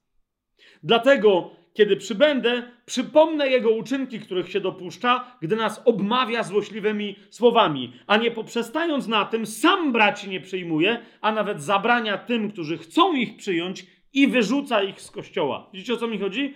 Ktoś, kto robi się niby równym wszystkim, ale pierwszym wśród równych, następnie robi się ich przywódcą, robi się ich dowódcą, robi się ich przełożonym, który nagle uważa, że ma większy autorytet niż oni, żeby im rozkazywać, kogo mogą do domu przyjmować. Wyobrażacie to sobie?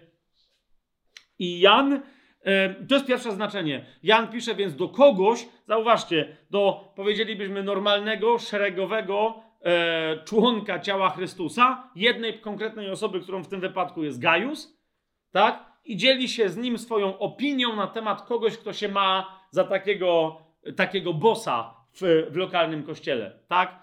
Jan mówi: Ty nie jesteś nikim mniejszym, gorszym, jak ani on nie jest pierwszym, ani ty nie jesteś ym, ostatnim, tak? Z drugiej strony zauważcie, z jakim ogromnym szacunkiem nie robi z tej wybranej pani w drugim liście żadnej pierwszej czy ważniejszej osoby, ale zauważcie, jak nie ma żadnego problemu z uznaniem jej owocowania, jej płodności duchowej. Co jest dla niego istotne? No właśnie to, że ona ma dzieci, tak? Że on widzi jej dzieci i te dzieci chodzą w prawdzie, tak? Ona ma siostrę, której dzieci również chodzą w prawdzie. To jest to, a nie, że ktoś sobie uzurpuje jakieś prawa do rządzenia, do władania życiem innych braci i sióstr, ich domami, ich wiarą wręcz i tak dalej, i tak dalej. Czy to jest jasne? To jest pierwsze znaczenie. Ono wynika z tego, do kogo są napisane te dwa listy. I teraz już widzicie, dlaczego, zwłaszcza gdy chodzi o drugi list, bardzo to jest istotne, żeby widzieć, że on jest napisany do tej konkretnej pojedynczej osoby, a nie do żadnego symbolicznego kościoła, bo to wtedy nam rozmywa y, znaczenie.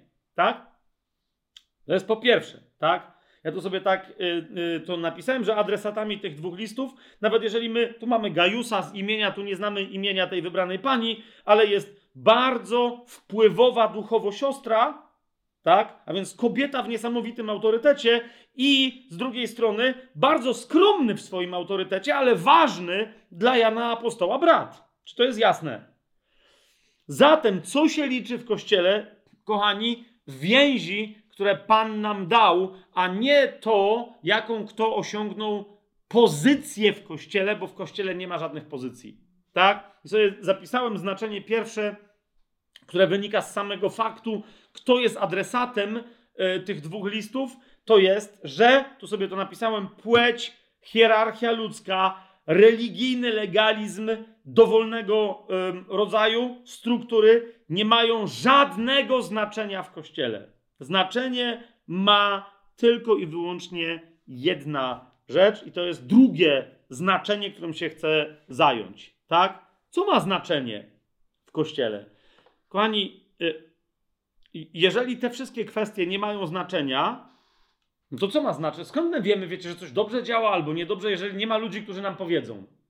Tak? Bo cały czas to jest takie, ale wiecie, są nowonarodzone osoby i teraz kto się nimi zajmie? Oni są niedojrzali, oni są tak jakby, rozumiecie, tak jakby wszyscy, których my znamy w kościele, którzy mają autorytet, są przywódcami, są, są bossami, wiecie o co mi chodzi? Jakby oni wszyscy byli dojrzali. Z całym szacunkiem, tak? Ale muszę to powiedzieć teraz na głos. Um, ostatnio mi podesłał brat yy, Tymoteusz, ty mi to przesyłałeś? Mnie, y, z Facebooka tą informację o tym, ilu rocznie pastorów odchodzi ze, z, z pracy pastorskiej w Stanach Zjednoczonych. Nie? E, I to tam było ilu? Tysiąc iluś. Potem się, nieważne jaka to była liczba, zaraz potem jak dostałem y, tego, tego, tego posta e, informującego o tych statystykach, spotkaliśmy się z kimś innym na wyjeździe zagranicznym, kto powiedział, że te statystyki są, statystyki są jeszcze gorsze. Tak? Czyli, że ta liczba, która była podana jako liczba pastorów, którzy w ciągu roku, rok w rok odchodzą z szeregów pastorów, pra, nie, nie pracują e, w Stanach Zjednoczonych, jest znacznie większa. I nie jest to liczba pastorów odchodzących rocznie, ale miesięcznie. Rozumiecie? Czyli średnio statystycznie między tysiąc iluś a trzy tysiące iluś pastorów odchodzi w tym momencie z pracy pastorskiej w Stanach Zjednoczonych co miesiąc. Moje pytanie brzmiało, zaraz, ale to czemu takie rozbieżności?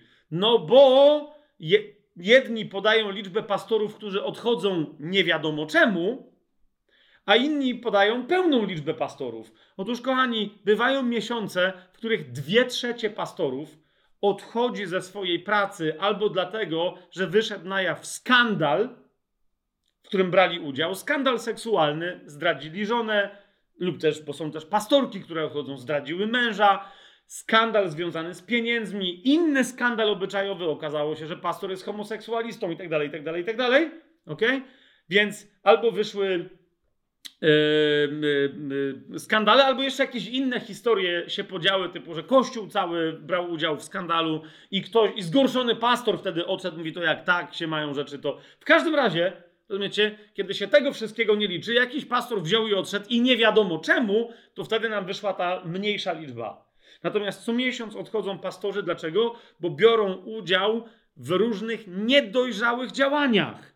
Okazuje się, że to, że ktoś dostaje tytuł przywódcy w kościele, odpowiedzialnego w kościele, pastora, pasterza, biskupa, prezbitera, kogoś tam wcale nie czyni go dojrzałym. Wiecie o co mi chodzi? A nawet jeżeli on osobowościowo był dojrzały, to nadal taki tytuł, taka pozycja, taka nadana mu, taki nadany mu status nie chroni go w tej jego dojrzałości i się okazuje, że ludzie popadają w kompletnie niedojrzałe zachowania i potem w ramach tych zachowań, bo jeszcze żeby to był skandal, ale niektórzy po prostu odchodzą, bo nie tylko, że zdradzili żony czy mężów, ale już nie chcą do nich wrócić, tylko po prostu, wiecie, chcą się rozwieść i Kościół, ponieważ ich się nie godzi na, hej zaraz, to jest cudzołóstwo, no to dobra, no to nara i żegnają się niektórzy wręcz z chrześcijaństwem, tak? A propos dojrzałości przywództwa, yy, dojrzałości przywództwa w, w Kościele. Jan mówi, nie da się zrobić z kogoś dojrzałego czy niedojrzałego inaczej jak tylko w prawdzie. Tak? To jest to jedno słowo, które się liczy w drugim i trzecim liście Jana. To słowo to jest prawda. Zauważcie, e, chociażby jak do wybranej pani Jan pisze pierwsze cztery wersety. Okay? Starszy i, I zwróćcie uwagę na wyraz prawda, co się tutaj wyprawia. Starszy do wybranej pani i do jej dzieci, które miłuje w prawdzie. Aha. Niektórzy się pytają, o co chodziło Pawłowi, jak mówi, żeby miłość była nieobłudna. Jak miłość może być obłudna? Miłość może być obłudna, kiedy nie jest miłością w prawdzie. Da się kochać w sposób obłudny. Ok?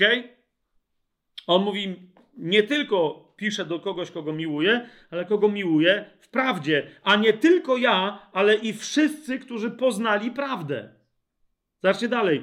Ze względu na prawdę, która pozostaje w nas i będzie z nami na wieki. Trzeci raz w dwóch wersetach pojawia się słowo prawda. Dalej. Trzeci werset. Łaska, miłosierdzie i pokój od Boga Ojca i od Pana Jezusa Chrystusa, Syna Ojca, niech będzie z wami w prawdzie i miłości. I czwarty werset. Ucieszyłem się bardzo, że wśród Twoich dzieci znalazłem takie, które postępują w prawdzie, jak otrzymaliśmy przykazanie od Ojca. Zwróćcie uwagę, to, bo to jest każdy wyraz u Jana, jak, jak i w całej Biblii, się liczy. Jan mówi o przykazaniu, które otrzymaliśmy od Jezusa.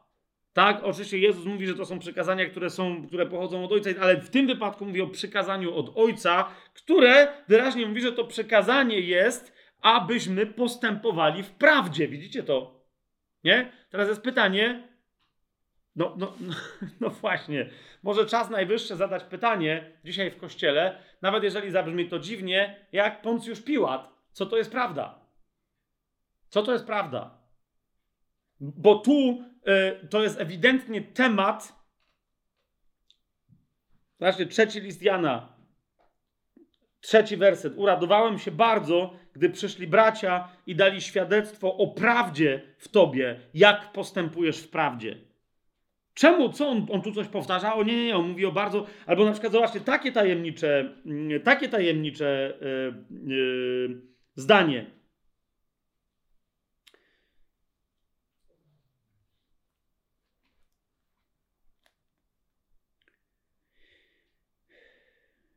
W, trzecim, w trzecim liście Jana, tak? Dwunasty werset. Demetriuszowi wystawili świadectwo wszyscy, widzicie to? Nawet sama prawda. Co? Wcześniej było świadectwo, że chłop ma prawdę w sobie, że postępuje w prawdzie, i teraz sama prawda się odezwała też, że ma dobre świadectwo? Co to jest prawda? Więc oczywiście, że dla y, y, wytrawnych studentów tajemnego planu, czy po prostu Biblii, jest to rzecz oczywista, ale zawsze warto sobie takie niby oczywistości y, przypomnieć. Nie? Y, otwórzmy sobie Ewangelię Jana, no bo znowu zwróćcie uwagę, że nie w żadnej innej Ewangelii, ale właśnie w Ewangelii Jana pada pytanie, a co to jest prawda? To pytanie zadaje e, Poncjusz Piłat w 18 rozdziale e, Ewangelii Jana, ale zwróćcie uwagę, jeszcze raz powtarzam, w jakim kontekście, dlaczego on w ogóle mówi, co to jest prawda. Bo Jezus mówi bardzo konkretną rzecz. W 37 wersecie 18 rozdziału Piłat zapytał Jezusa, a więc jesteś królem? Rozumiecie, on miał swoje rzymskie rozumienie. Król, nie król, o co chodzi, to jest legalne, nielegalne. A Jezus mu odpowiedział: Ty mówisz, że jesteś, że jestem królem. Pytasz się w swoim kontekście znaczeniowym. A teraz zauważcie, jak on odpowiada. Mówi: Ty mówisz, że jestem królem.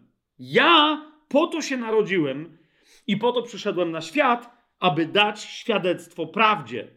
Każdy, kto jest z prawdy, słucha mojego głosu. Widzicie, co jest grane? Jezus mówi językiem, którego się nauczył Jan, i on potem mówi językiem Jezusa. Widzicie to?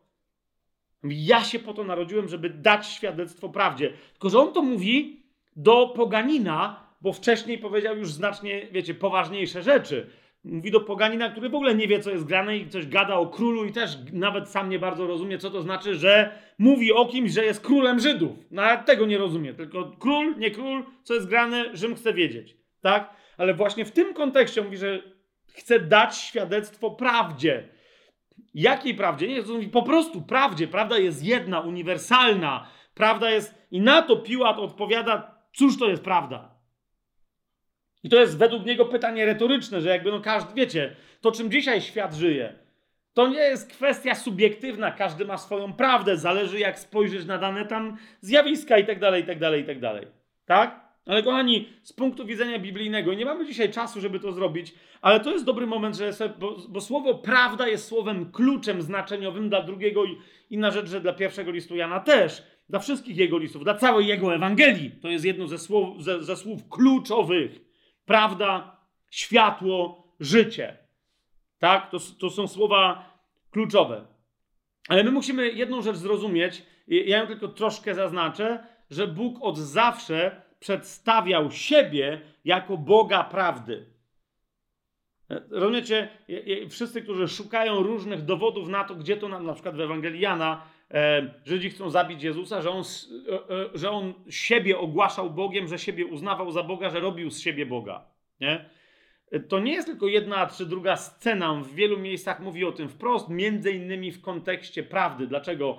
Ponieważ w Starym Przymierzu Jahwe zawsze objawia się jako Bóg prawdziwy lub też jako Bóg prawdy lub Bóg prawda nawet. Niektórzy e, nie wiedzą za bardzo, wiecie, mamy wiele takich miejsc, które nie wiedzą jak to, więc, więc są, to są miejsca, w których e, się tłumaczy, że Bóg jest Bogiem wiernym, a w niektórych tłumaczeniach żydowskich znajdziesz, nie, tam jest prawda, a więc On jest Bogiem prawdy.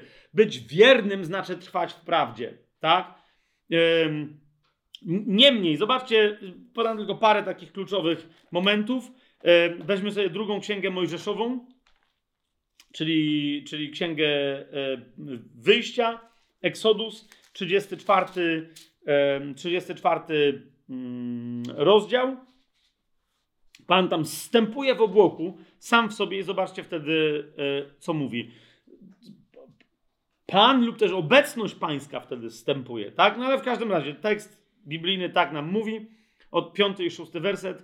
I Jahwe stąpił w obłoku, stanął tam z nim i wypowiedział imię Jahwe. Nie wiem, czy widzicie, to jest bardzo istotne, tak? że to imię zostało wypowiedziane. Tak? Wtedy szedł Jahwe przed nim, bo on tam wiadomo komu się objawia, i wołał Jahwe, Jahwe, Bóg miłosierny i litościwy, nie skory do gniewu, a bogaty w miłosierdzie i prawdę. Nie? To, to, to, jest, to jest część jego natury. E, piątą Mojżeszową sobie otwórzmy, czyli Księgę Powtórzonego Prawa, 30, 32, 32 rozdział. Tak? Mojżesz tam przemawia. Zwróćcie uwagę, co się tu dzieje. Zwróćcie uwagę w ogóle, jak to brzmi. E, jakby to wyrwać i kogoś zapytać, w której księdze Nowego Testamentu ten tekst jest zapisany, to niektórzy, ja tak raz kiedyś zrobiłem, to tam się zastanawiali niektórzy, list do Rzymian, 32 e, rozdział, czwarty werset. On jest skałą, a jego dzieło jest doskonałe, bo wszystkie jego drogi są sprawiedliwe. Jest Bogiem prawdziwym i bez nieprawości, sprawiedliwym i prawym. Ale jak zobaczycie masę Y, tłumaczeń, zwłaszcza y, y, żydowskich albo takich, które szukają mocnej zgodności z interpretacją hebrajską, to zobaczycie, że jest powiedziane tutaj, że on jest Bogiem prawdy, w którym nie ma nawet idei nieprawości. Czy to jest jasne? Psalm 25 sobie otwórzmy. Samo prześledzenie słowa prawda w Starym Testamencie może dla niektórych z nas być bardzo otwierające oczy ducha, serca, duszę, yy, sumienia, yy, a nawet na przykład ciała na uzdrowienie. Ale teraz nie będę w tamtą stronę szedł. Psalm 25, psalm Dawidowy sobie otwórzmy. Wszystkie ścieżki Jahwe to miłosierdzie i prawda dla tych, którzy strzegą Jego przymierza i świadectwa. Okay? Ale jeszcze raz zwróćcie uwagę, wszystkie ścieżki Jahwe to miłosierdzie i prawda. On jest bogaty w miłosierdzie i w prawdę i wszystkie jego drogi, a więc rozumiecie, drogi pełnienia jego woli, czyli drogi posłuszeństwa jego słowu, posłuszeństwa jemu samemu, są drogami miłosierdzia i prawdy. Nie miłosierdzia albo prawdy, albo tego, albo tego, ale miłosierdzia i prawdy. Z jedno, jedno z drugim organicznie powiązane. Psalm 40 sobie e, otwórzmy w psalmie 40, 10, 11 werset. To jest znowu Dawidowy psalm, rzecz jasna. Twojej sprawiedliwości nie kryłem w głębi serca. Opowiadałem Twoją wierność i Twoje zbawienie. Nie taiłem Twojego miłosierdzia i prawdy w wielkim zgromadzeniu. Dlatego Ty, Jahwe, nie odmawiaj mi Twojej litości. Twoje miłosierdzie i prawda niech mnie zawsze strzegą. Nie wiem, czy widzicie, to jest jakby miłosierdzie i prawda. To są jakby dwie ręce Jahwe wręcz. Nie, niektórzy w tych koncepcjach, zwłaszcza rabinicznych, mówią, że miłosierdzie i prawda to, to, są, to są dwie moce, którymi się Jachwę posługuje. To jest albo idziesz za lewą ręką Jachwę, czyli za miłosierdziem, albo za prawą ręką, to jest prawda. Po prostu. Miłosierdzie i prawda. Miłosierdzie i prawda. Psalm 43, trzeci werset. Ześlij Twoje światło i prawdę. Niech mnie wiodą i wprowadzą na Twoją świętą górę i do Twoich przybytków. Co prowadzi na świętą górę Jachwę? Do, na, na górę Syjon, e, do której wiecie, my wszyscy się przyłączyliśmy. 12 rozdział listu do Hebrajczyków. Światłość i prawda. Światłość i prawda. Zwróćcie uwagę. E, nie, niektórzy mówią, że oprócz życia, no ale życie jest na tej górze, tak? To, to są dwa najważniejsze oprócz życia y, tematy Ewangelii Jana. Światło i prawda, tak? Światłość i prawda. No i życie, które z nich y, wynika. Psalm 85.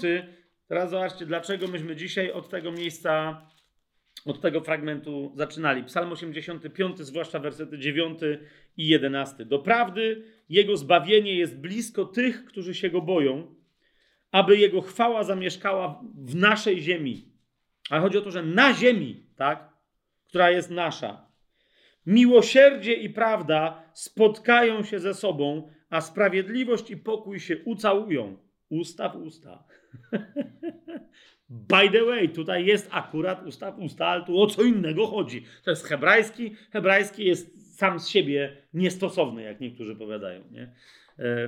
Znam jednego takiego nauczyciela, on zna świetnie hebrajski, ale on mówi, że zawsze jak czyta coś po hebrajsku, to, to zawsze potem musi się oczyścić, mówi, że to są jego ablucje, że potem ten sam tekst, a przynajmniej jego fragmenty czyta w Septuagincie, bo mówi, bo hebrajski jest naprawdę jest taki po prostu, to jest, jak on to powiedział, jest jak korrida. Nie? Mówi, że to jest jak oglądanie korridy. Mówi, niby sport, niby widowisko, ale mówi mięso i krew. To jest, mówi, on nie może. On, on musi po prostu swój pogański umysł potem oczyścić logiką greki koine. Okej, okay, dobra. Że jest Niemcem, to już zupełnie. Zostawmy to.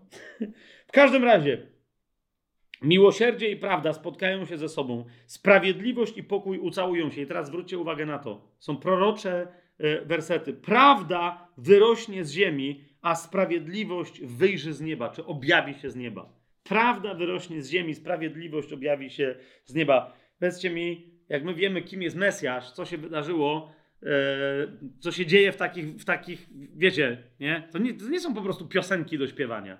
To są potężne, potężne e, proroctwa. I dobra, bo tu jeszcze miałem coś dalej cytować, ale no, gdzie, co dalej cytować ze Starego Testamentu, przeskoczmy od razu do Ewangelii Jana, tak? A propos prawdy.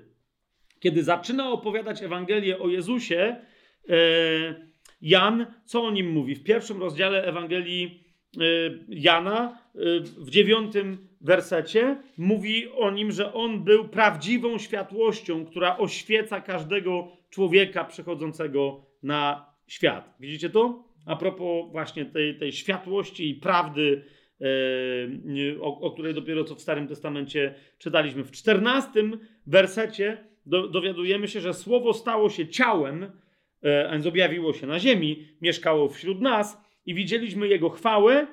Ok, ale mniejsza o to, to jest w nawiasie, w którym stało się ciałem, jakie? Pełne łaski i prawdy. Ok?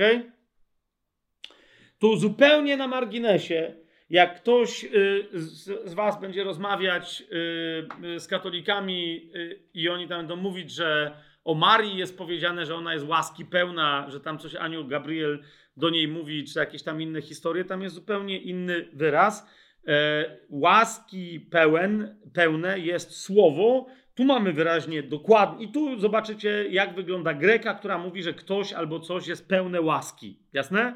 To jest między innymi tutaj. I tam zobaczycie, że, że o Marii jest zupełnie, no nie zupełnie co innego, ale, ale jest inna rzecz powiedziana, a nie to, że jest łaski pełna i że w związku z tym jest niepokalana, czy że jakieś tam inne, wiecie, te, te, te takie dziwne historię. Słowo, które się objawiło na ziemi w ciele, było pełne łaski i prawdy od samego początku. I kolejna bardzo istotna rzecz, 17 werset, tak jak prawo zostało dane przez Mojżesza, tak dowiadujemy się, że przez Jezusa Chrystusa przyszły łaska i prawda. Ten, który był pełen łaski i prawdy, wprowadził łaskę i prawdę. To jest cały czas bardzo istotne. Rozumiecie? Łaska, coś, co jest absolutnie darmowe i tak dalej, ale jeszcze raz mamy pytanie, ale co to jest prawda? Nie? W tej Ewangelii Piłat się pyta, co to jest prawda. Czytelnik tej Ewangelii w tamtym momencie powinien tylko gorzko uśmiechnąć się pod nosem, tak? Wiedząc, do kogo mówi Piłat, ale tu na początku tej Ewangelii czytelnik, który nie zna Jezusa, dopiero się o nim zaczyna dowiadywać, może mieć to pytanie, tak? Jeszcze jak łaskę może rozumieć, to jest pytanie, dobra, ale jak ty tu rozumiesz prawdę? Zarówno 2000 lat temu, jak i dzisiaj ludzie nie wiedzą, jak rozumieć prawdę. W Ewangelii Jana dalej, oczywiście prawda, prześledzić temat prawdy w Ewangelii Jana, nie tylko w pismach Janowych, ale w Ewangelii Jana, to jest w ogóle samo z siebie niezwykłe e, przeżycie, ale, ale w Ewangelii Jana w czwartym rozdziale, chcę tylko parę momentów pokazać, w 23 e, wersecie Pan Jezus mówi, nadchodzi godzina i teraz już jest. Tylko, że ona jest niepełna, ale ona nadchodzi, kiedy będzie się tyczyć wszystkich, tak? Nadchodzi godzina, mówi, i teraz już jest, gdy prawdziwi czciciele będą czcić Ojca w duchu i w prawdzie. Bo Ojciec takich szuka, którzy tak go będą czcić. Czy to jest jasne? W duchu i w prawdzie. W żadnym rytuale, strukturze, hierarchii, przyporządkowaniu takim czy innym prawom, zasadom, tradycjom itd., tak itd. Tak w duchu i w prawdzie. I dlatego my musimy wiedzieć, co to oznacza. Tak? Co to znaczy w duchu i w prawdzie? E, Pan Jezus między innymi sam w tej Ewangelii zdefiniował nam prawdę, mianowicie w 17 rozdziale powiedział następującą rzecz. To jest 17 rozdział Ewangelii Jana, 17 werset. E, I jest to ewidentna definicja, dlaczego on nawet tego nie mówi do uczniów, tylko on to mówi do ojca. Tak? To już jest, to jest po prostu taka mega, e, ultra definicja. Mówi tak, 17 rozdział, 17 werset modląc się za uczniów i za nas też, jak zobaczycie dalej, bo my tu jesteśmy w tej modlitwie e, e, objęci, mówi: uświęć ich w Twojej prawdzie. Twoje słowo jest prawdą. Ok? No tylko, że my na początku tej Ewangelii dowiedzieliśmy się, że On jest słowem, które stało się ciałem, więc mamy nagle. To Ty jesteś słowem, to Ty jesteś prawdą. Oczywiście On wcześniej to powiedział, tak? Ale on cały czas mówi: uświęć ich w Twojej prawdzie. Twoje słowo jest prawdą. Ale uświęcenie, rozumiecie, w kim można być uświęconym? Tylko w nim, jako w słowie, które jest prawdą. Czy to jest jasne? Nie w czczeniu Jezusa w takiej czy innej formie. Bo ojciec chce mieć czcicieli, którzy go czczą w duchu i w prawdzie, a więc którzy go czczą w duchu. Zauważcie, mamy znowu dwie ręce. Mamy miłosierdzie i prawdę. Mamy ducha i prawdę, która jest słowem, którym to słowem jest Jezus wcielonym. Rozumiecie? Z duch i słowo. Z duch święty i Jezus. Teraz a propos, gdzie my jesteśmy, bo czasem ja o tym tak mówię, a potem się mnie ludzie pytają. My jesteśmy w tej modlitwie ujęci. Ty ty, ty, ty, ty, ty, ty, wszyscy tutaj i ja, jesteśmy ujęci w 20 wersecie. Jezus, kiedy mówi o tym, żeby uświę- żebyśmy byli uświęceni w prawdzie, mówi nie tylko za nimi proszę, czyli tymi, którzy byli obecni w czasie tej modlitwy podczas ostatniej wieczerzy, lecz i za tymi, którzy przez ich słowo uwierzą we mnie. Amen? Jeden z nich, z tych, których tam był, to jest Jan, który napisał tę Ewangelię. Przez słowo zaświadczone przez tego człowieka, między innymi ja wierzę. Między, tak, my, my też. Więc widzicie, my, my, jesteśmy tu przez Pana Jezusa ujęci bezpośrednio w tej modlitwie. Tak? Ty i ja, siostro, yy, siostro i bracie. Zatem, yy, zatem Jezus mówi, że prawdą jest słowo. Ale zwróćcie uwagę, to słowo, którym jest Jezus, jest słowem, które stało się ciałem i to ciało nie leżało na ziemi i nie pachniało tylko i wyłącznie. Nie zostało wystawione na ołtarzu, jak Andy Warhol nagi, żeby je czcić. Rozumiecie o co mi chodzi? Spójrzcie, jestem Bogiem. To słowo stało się ciałem, aby być aktywną osobą. Tak? Tak aktywną, że pierwszym, który dokonał uświęcenia, jest ten, który już był święty. To słowo, zobaczcie, jak Jezus mówi, uświęć ich w Twojej prawdzie, Twoje słowo jest prawdą, ja za nich uświęcam samego siebie, aby i oni byli uświęceni w prawdzie, czyli w kim? Czyli we mnie. Widzicie to? Ale jeszcze raz, prawda jest osobą, która dokonuje aktywnie samouświęcenia i uświęca także innych. Rozumiecie, o co mi idzie? To, że Jezus jest y, prawdą, to my to wiemy, ale zanim tam dojdziemy, 16 rozdział sobie otwórzmy, 13 y, werset, zauważcie, tym, który nas wprowadza we wszelką prawdę, czyli który nam daje poznać Jezusa, jest tylko i wyłącznie Duch Święty, nie ma nikogo innego. Gdy przyjdzie On, 16 rozdział, 13 werset, gdy przyjdzie On, Duch Prawdy. Widzicie o co mi chodzi? Jak Ojciec chce mieć czcicieli w duchu i w prawdzie, to ten duch, tak czy siak, jest duchem prawdy, a prawda jest objawiana przez tego ducha. Więc to jest ta jedność, tak, gdy przyjdzie On, duch prawdy, wprowadzi was w całą prawdę, tak, też we wszelką prawdę. Dlaczego? Nie będzie bowiem mówił sam od siebie, ale będzie mówił to, co usłyszy i oznajmi wam przyszłe rzeczy. On mnie uwielbi, bo weźmie z mojego i wam oznajmi. Nie? Dlatego to jest duch prawdy, który jest duchem yy, Chrystusa. W Ewangelii Jana, 14 rozdział, 26 werset czy, czytamy: Pocieszyciel, Duch Święty, którego Ojciec pośle w moim imieniu, on nauczy was wszystkiego i przypomni wam wszystko, co wam powiedziałem. Słowo wypowiedziało konkretne słowa, nie po to tylko, żeby poszerzyć naszą wiedzę teologiczną, ale przede wszystkim po to, aby nas nakłonić do konkretnego rodzaju życia, aby nam dać życie i aby w ramach tego życia nakłonić nas do konkretnego rodzaju i sposobu życia. Amen? Więc tym, który, widzicie, czciciele Ojca w duchu i prawdzie, pamiętacie, E, w drugim liście Jan mówi o przykazaniu, które mamy od Ojca, aby postępować w prawdzie. Tak? To jest chodzenie w duchu, który nas uczy, jak realizować prawdę. Tak? Jak moja znajomość Jezusa ma się przekładać na konkret e, mojego życia. Bo prawdą jest Jezus. On sam o tym powiedział w 14 rozdziale Ewangelii Jana w 6 wersecie. Jezus mu odpowiedział Tomaszowi: Ja jestem, y, powiedział, że drogą i życiem, ale w tym wypadku nas interesuje, że powiedział: Ja jestem prawdą. Czy to jest jasne? Ja jestem prawdą.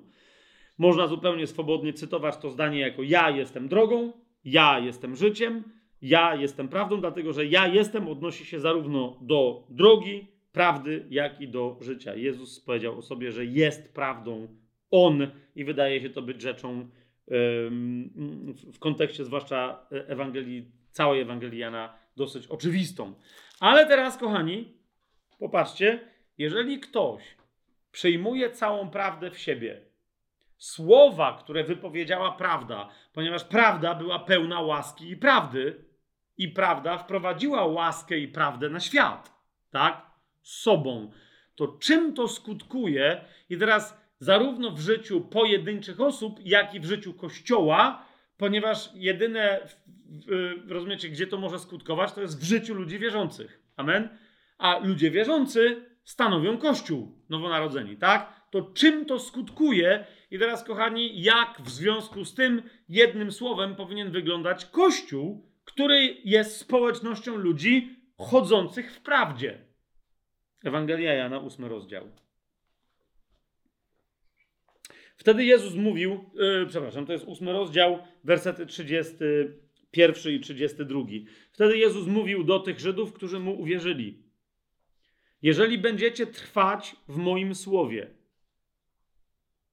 będziecie prawdziwie moimi uczniami i poznacie prawdę, a prawda was wyzwoli. Skutkiem posłuszeństwa Jezusowi, Jego woli, która się wyraża konkretnymi słowami, które on sam nazywa przykazaniami, o których Jan następnie mówi, że one się sprowadzają tak naprawdę do jednego: wierzyć w jego imię i miłować się nawzajem. Skutkiem tego rodzaju życia, tego jego woli, pełnienia jego woli, ale taka jest jego wola, jest co? Jest nasza wolność.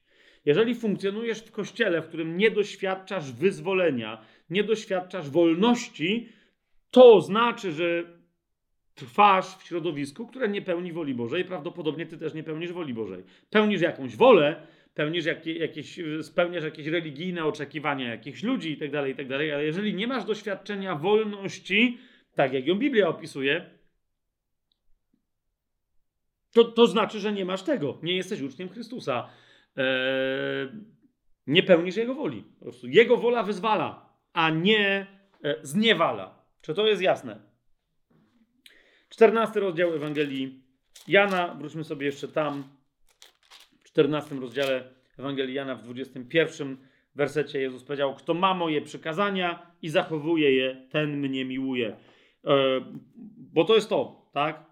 Trwać w Jego słowie, to znaczy mieć Jego przykazania. W ten sposób my też wyrażamy miłość wobec Jezusa. Tu nie chodzi o jakieś uniesienia emocjonalne, jakieś tak zwane charyzmatyczne, tam wiecie, odloty yy, i dalej, i tak dalej. Ja nie wiem, że nie może być zjawisk charyzmatycznych, tylko chodzi o to, że emocjonalizm na, yy, na nabożeństwach publicznych, zwłaszcza i tak dalej, nie ma niczego wspólnego z miłowaniem Pana Jezusa. Nawet jak ktoś ma doświadczenie emocjonalne, że wiecie, pod wpływem pieśni, czegoś, tłum się ekscytuje i wszyscy, o! Jezu, jak Cię kochamy. Miłość do Jezusa wyraża się posłuszeństwie temu, co On nam nakazał, abyśmy czynili. Kto ma moje przykazania i zachowuje je, ten mnie miłuje, a kto mnie miłuje, będzie go też miłował mój ojciec i ja go będę miłował i objawię mu samego siebie. Nie ma żadnego innego sposobu objawiania się nam Jezusa. Możemy czytać Biblię ile chcemy, nie możemy wymyślać koncepty na bazie słów, w Biblii. Ale w momencie, kiedy nie praktykujemy tego, co jest napisane w Biblii, nie możemy mieć poznania Jezusa, bo Jezus nie chce się objawiać ludziom, którzy nie żyją zgodnie z tym, co on powiedział, e, że ma być przeżywane. Mamy to? To jest 21 werset. W 23 wersecie jeszcze raz powtarza: Jeżeli ktoś mnie miłuje, będzie zachowywał moje słowo. Jeszcze raz mówi: I mój ojciec go umiłuje, i przyjdziemy do niego, i u niego zamieszkamy. Doświadczenie obecności Boga w Twoim wnętrzu, obecności Jezusa, miłości Ojca jest dokładnie od tego zależne. Nie od żadnych, rozumiesz, wyzwol- jakichś modlitw, które mają wyzwa- nabożeństw, modlitw indywidualnych i tak dalej, jakiegoś specjalnego otrzymywania namaszczenia z nieba, z ziemi, od innych ludzi, y, impartacji, impertynencji itd., tak itd. Nie, jest prosta, bardzo prosta rzecz. Zachowywać Jego słowo, a wtedy On gwarantuje, że doświadczenie Jego obecności w nas będzie yy, yy, pełne.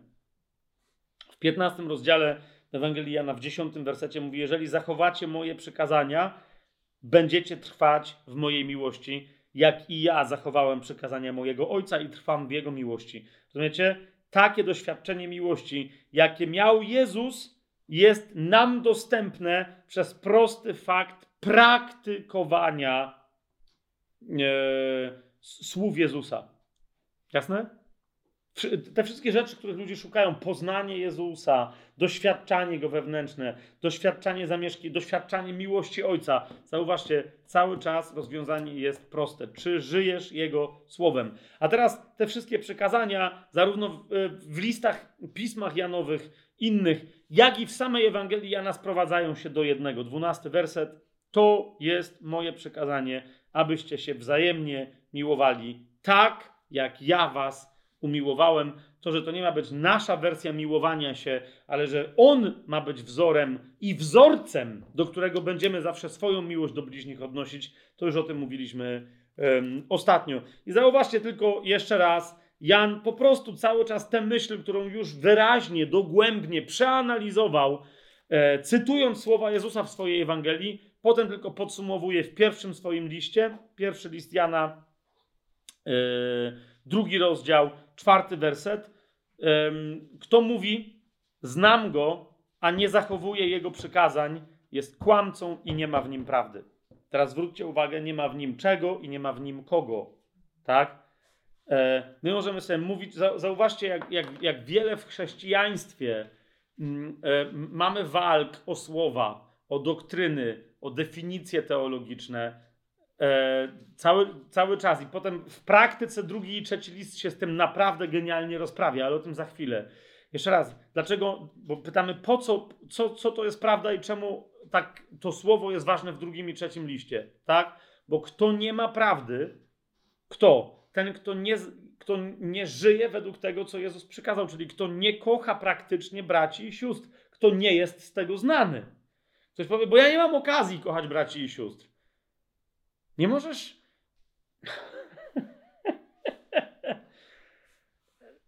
Kiedyś, wiecie, rozmawiałem z moim dziadkiem. Yy, zadałem mu pytanie, to były lata 80., kiedy ja w 70 latach jeszcze mieszkałem w domu, żebyście dobrze zrozumieli, to, o, co, co, o co tu chodzi.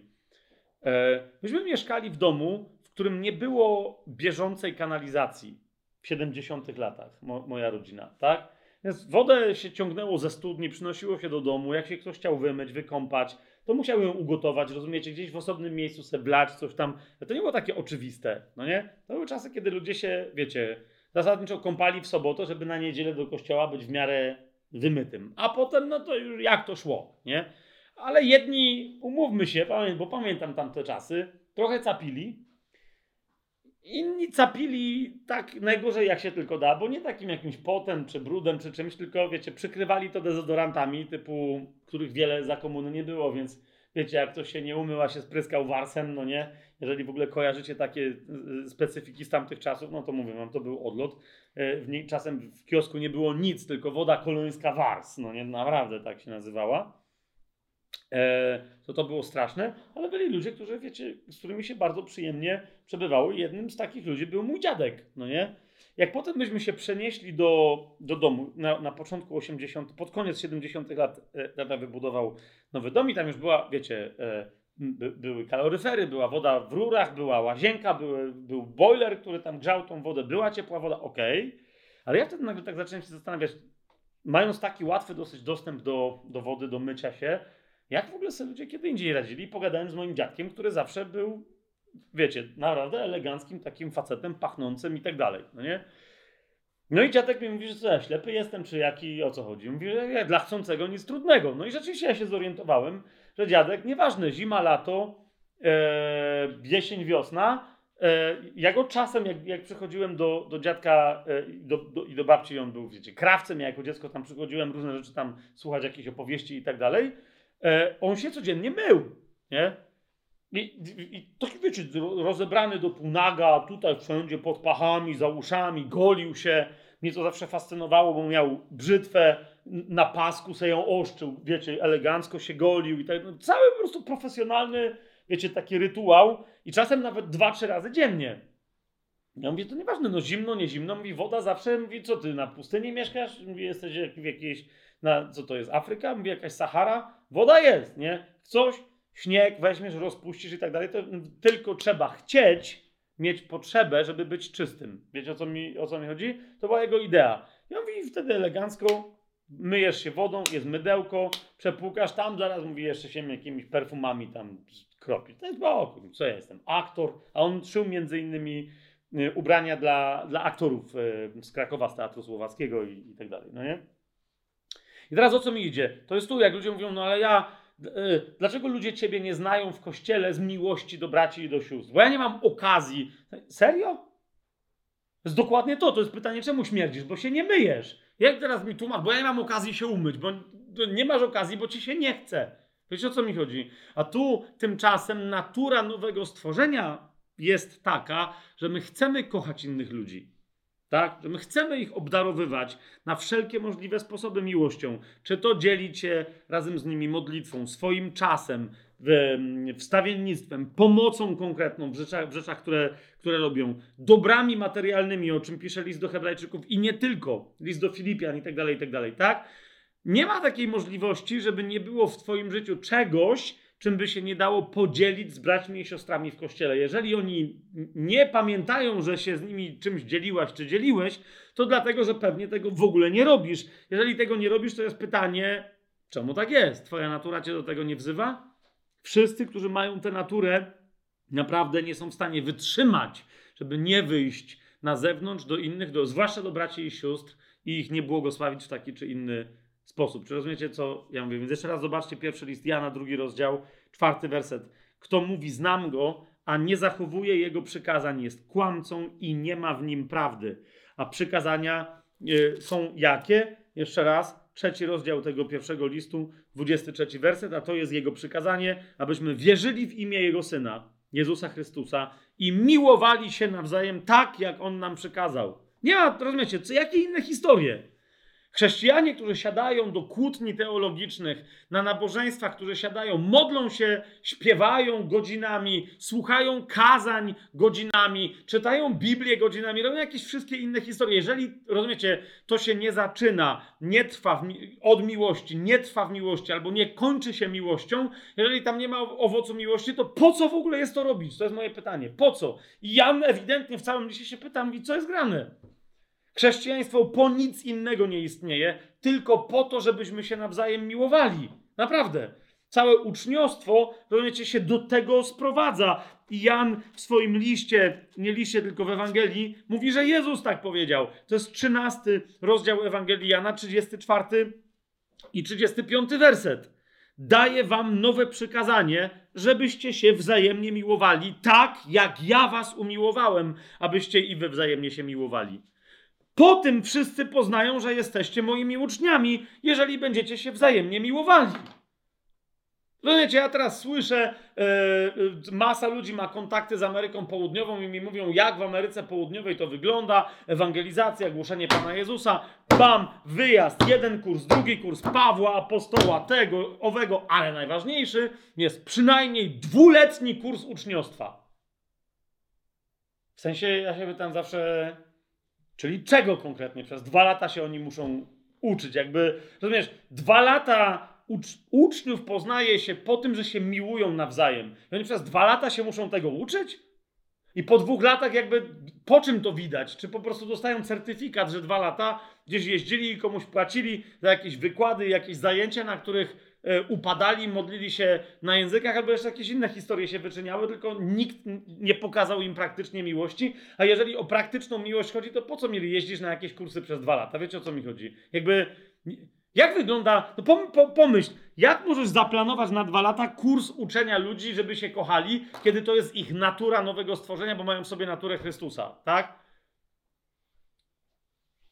Ja, wiecie, mój syn jest człowiekiem. Nie? Takie odkrycie, ale chodzi mi o to, że mama jest. Y, oczywiście, jak zapytacie moją żonę, ja czasem tak patrzę na nią i się pytam, kim jesteś, i ona mi zawsze odpowiada, jestem elfem. E, sugerując wyraźnie, że skoro ona jest elfem, to ja jestem krasnoludem, ale ja się śmieję, że no to jak taki Tolkien, to dziecko musiało wyjść człowiek. No nie, to jest ewidentne. Jest elfka, krasnolud i wyszedł człowiek. Ale żarty na bok. Moja żona jest, jest ludzką kobietą, ja jestem ludzkim, w każdym razie człowiekiem, mężczyzną. nie wiem, czy aż takim ludzkim.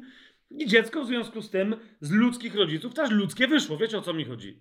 I teraz jest to dla mnie fascynujące jako dla rodzica, widząc, jak mój syn leżał, leżał, leżał, leżał i nagle zaczął raczkować. Tak? Zaczął raczkować i, i, i ktoś mi powiedział, no to zaraz człowieku będzie stał, po czym wczoraj w nocy słyszę, że płacze w łóżeczku i myślę, nie staj jakoś coś mi dźwiękowo nie pasuje. Moja żona włączyła światło, a w łóżeczku patrzę, syn nie leży, nie na czworakach, tylko stoi w łóżku i mówi yeah! Wow, jakby wiecie, to jest takie, wow, jakie zmiany, ale z drugiej strony jakby jako rodzic się jarasz, ale jakie zmiany? To jest normalne, byłoby dziwne, jakby chłop miał 16 lat i dalej się leżał i, i, i wie, nic się by nie zmieniło. Dlaczego? Bo natura każe mu się rozwijać. Rozumiecie, o co mi idzie? To samo jest tu. Jeżeli my mamy naturę, jak długo ta, ta natura miałaby wytrzymać, rozumiesz, w tobie, żeby się nie rozwijać, czyli nie iść w stronę miłości bliźniego? Uważam, że istnieje e, jedna tylko taka możliwość, mianowicie możliwość ducha antychrysta, który przychodzi, tworzy sztuczny antykościół, który utrzymuje w ryzach, odwracając ich uwagę, aby tylko nie poszli e, w stronę pełnej miłości e, braci i sióstr, potem miłości bliźniego, który nie jest bratem i siostrą, a potem nawet miłości kogoś, kto jest ewidentnym, jawnym, oczywistym, otwartym wrogiem. Ok? To jest Kościół, który mówi, miłość wyraża się i każe ludziom robić rzeczy, które nie wynikają wcale z ich natury. Tak?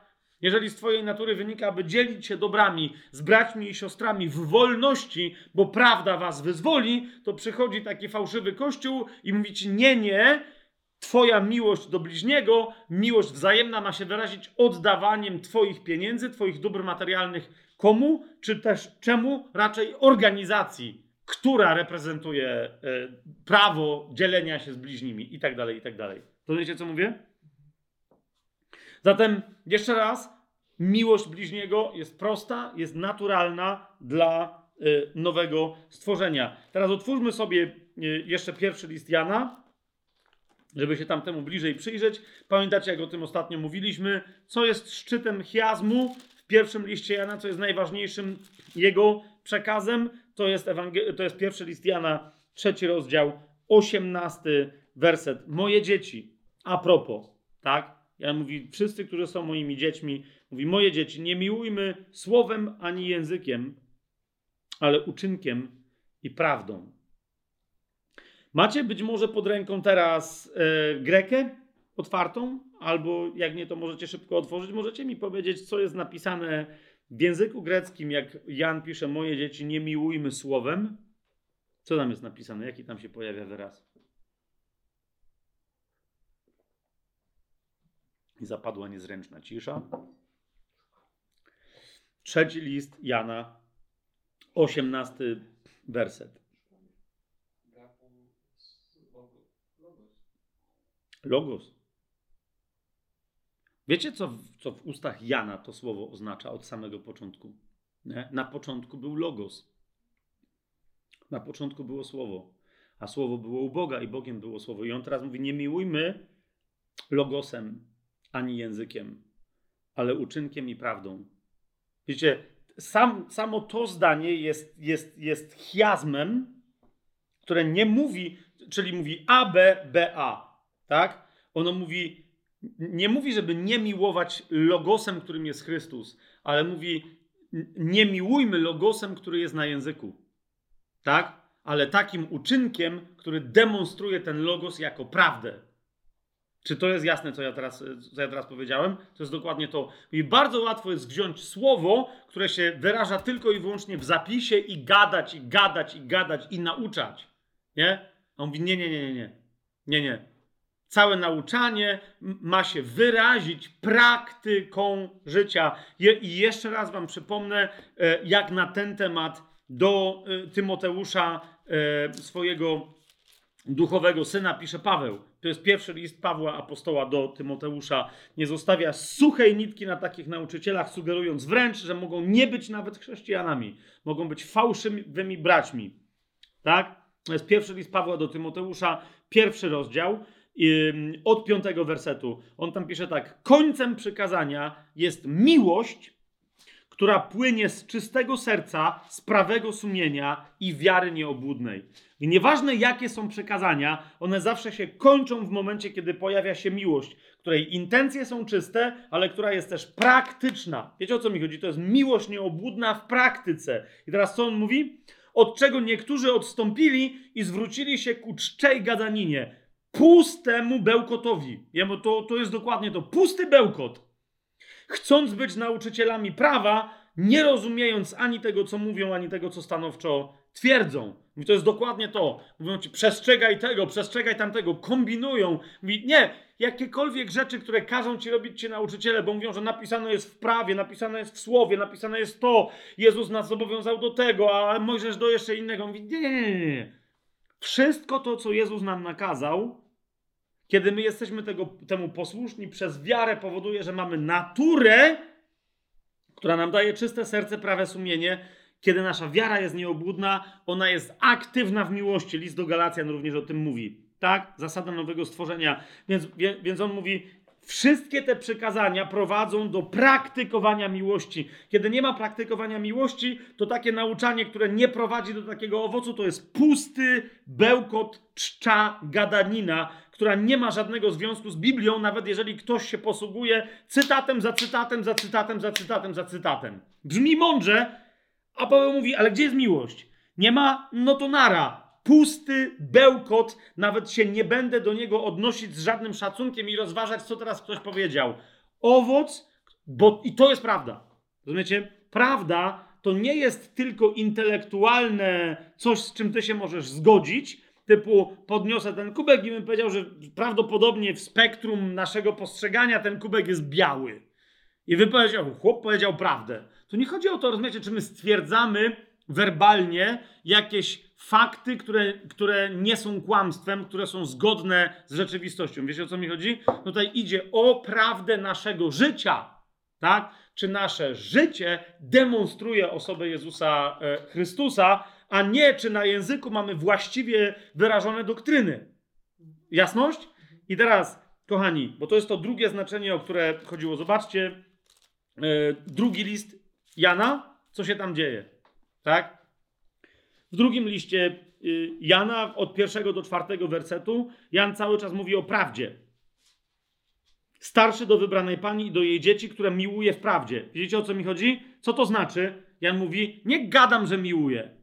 Tylko jeżeli on to napisał, to znaczy, że te osoby wiedzą, mogą podać konkretne przykłady, co Jan dla nich zrobił, oraz wiedzą, że Jan jest dalej gotowy coś dla nich zrobić, bo to znaczy miłować w prawdzie. Czy to jest jasne? Nie miłujcie słowem na języku, ale czynem, który wyraża, objawia prawdę. Tak? To jest to, które miłuje w prawdzie, a nie tylko ja, ale i wszyscy, którzy poznali prawdę, którzy znają Jezusa i w swoim życiu również chcą go demonstrować. Ze względu na prawdę, która pozostaje w nas. Dlaczego? No bo to, że my żyjemy w prawdzie, demonstrujemy prawdę, z czego wynika, że mamy w sobie naturę prawdy, czyli w sobie mamy Jezusa która pozostaje w nas, i zwróćcie na to uwagę, i będzie z nami na wieki. Nie? Ten, którego my. Co to jest życie wieczne? To jest znać Ojca i Syna, tak? Ewangelia Jana. A oni są, to jest jedyna rzeczywistość. Rzeczywistość to jest Chrystus, tak? Teraz, zobaczcie, yy, yy, co się dalej dzieje. On mówi w pierwszym wersecie: yy, dzieci, które miłuje w prawdzie. I teraz patrzcie, szósty werset, jak on mówi: Na tym polega miłość, żebyśmy postępowali według jego przykazań. Rozumiecie? To jest miłowanie w prawdzie. Na tym polega miłość. Nie na tym, że ty wiesz, co to jest miłość i przedstawisz 17 definicji z Biblii, ale nawet jeżeli ich nie przedstawisz, to potem po prostu żyjesz. Tak? A przykazanie jest takie, jakie słyszeliście od początku, że macie według niego postępować. Czyli, czyli jakie? Piąty werset, co słyszeliśmy od początku, e, abyśmy się wzajemnie miłowali. Jasne? Abyśmy się wzajemnie miłowali. Nie ma niczego istotniejszego. I teraz, o czym mówi Jan? Bo niektórzy mówią, że pierwszy, drugi, trzeci list Jana przestrzegają różne osoby na różne sposoby przed fałszywymi nauczycielami.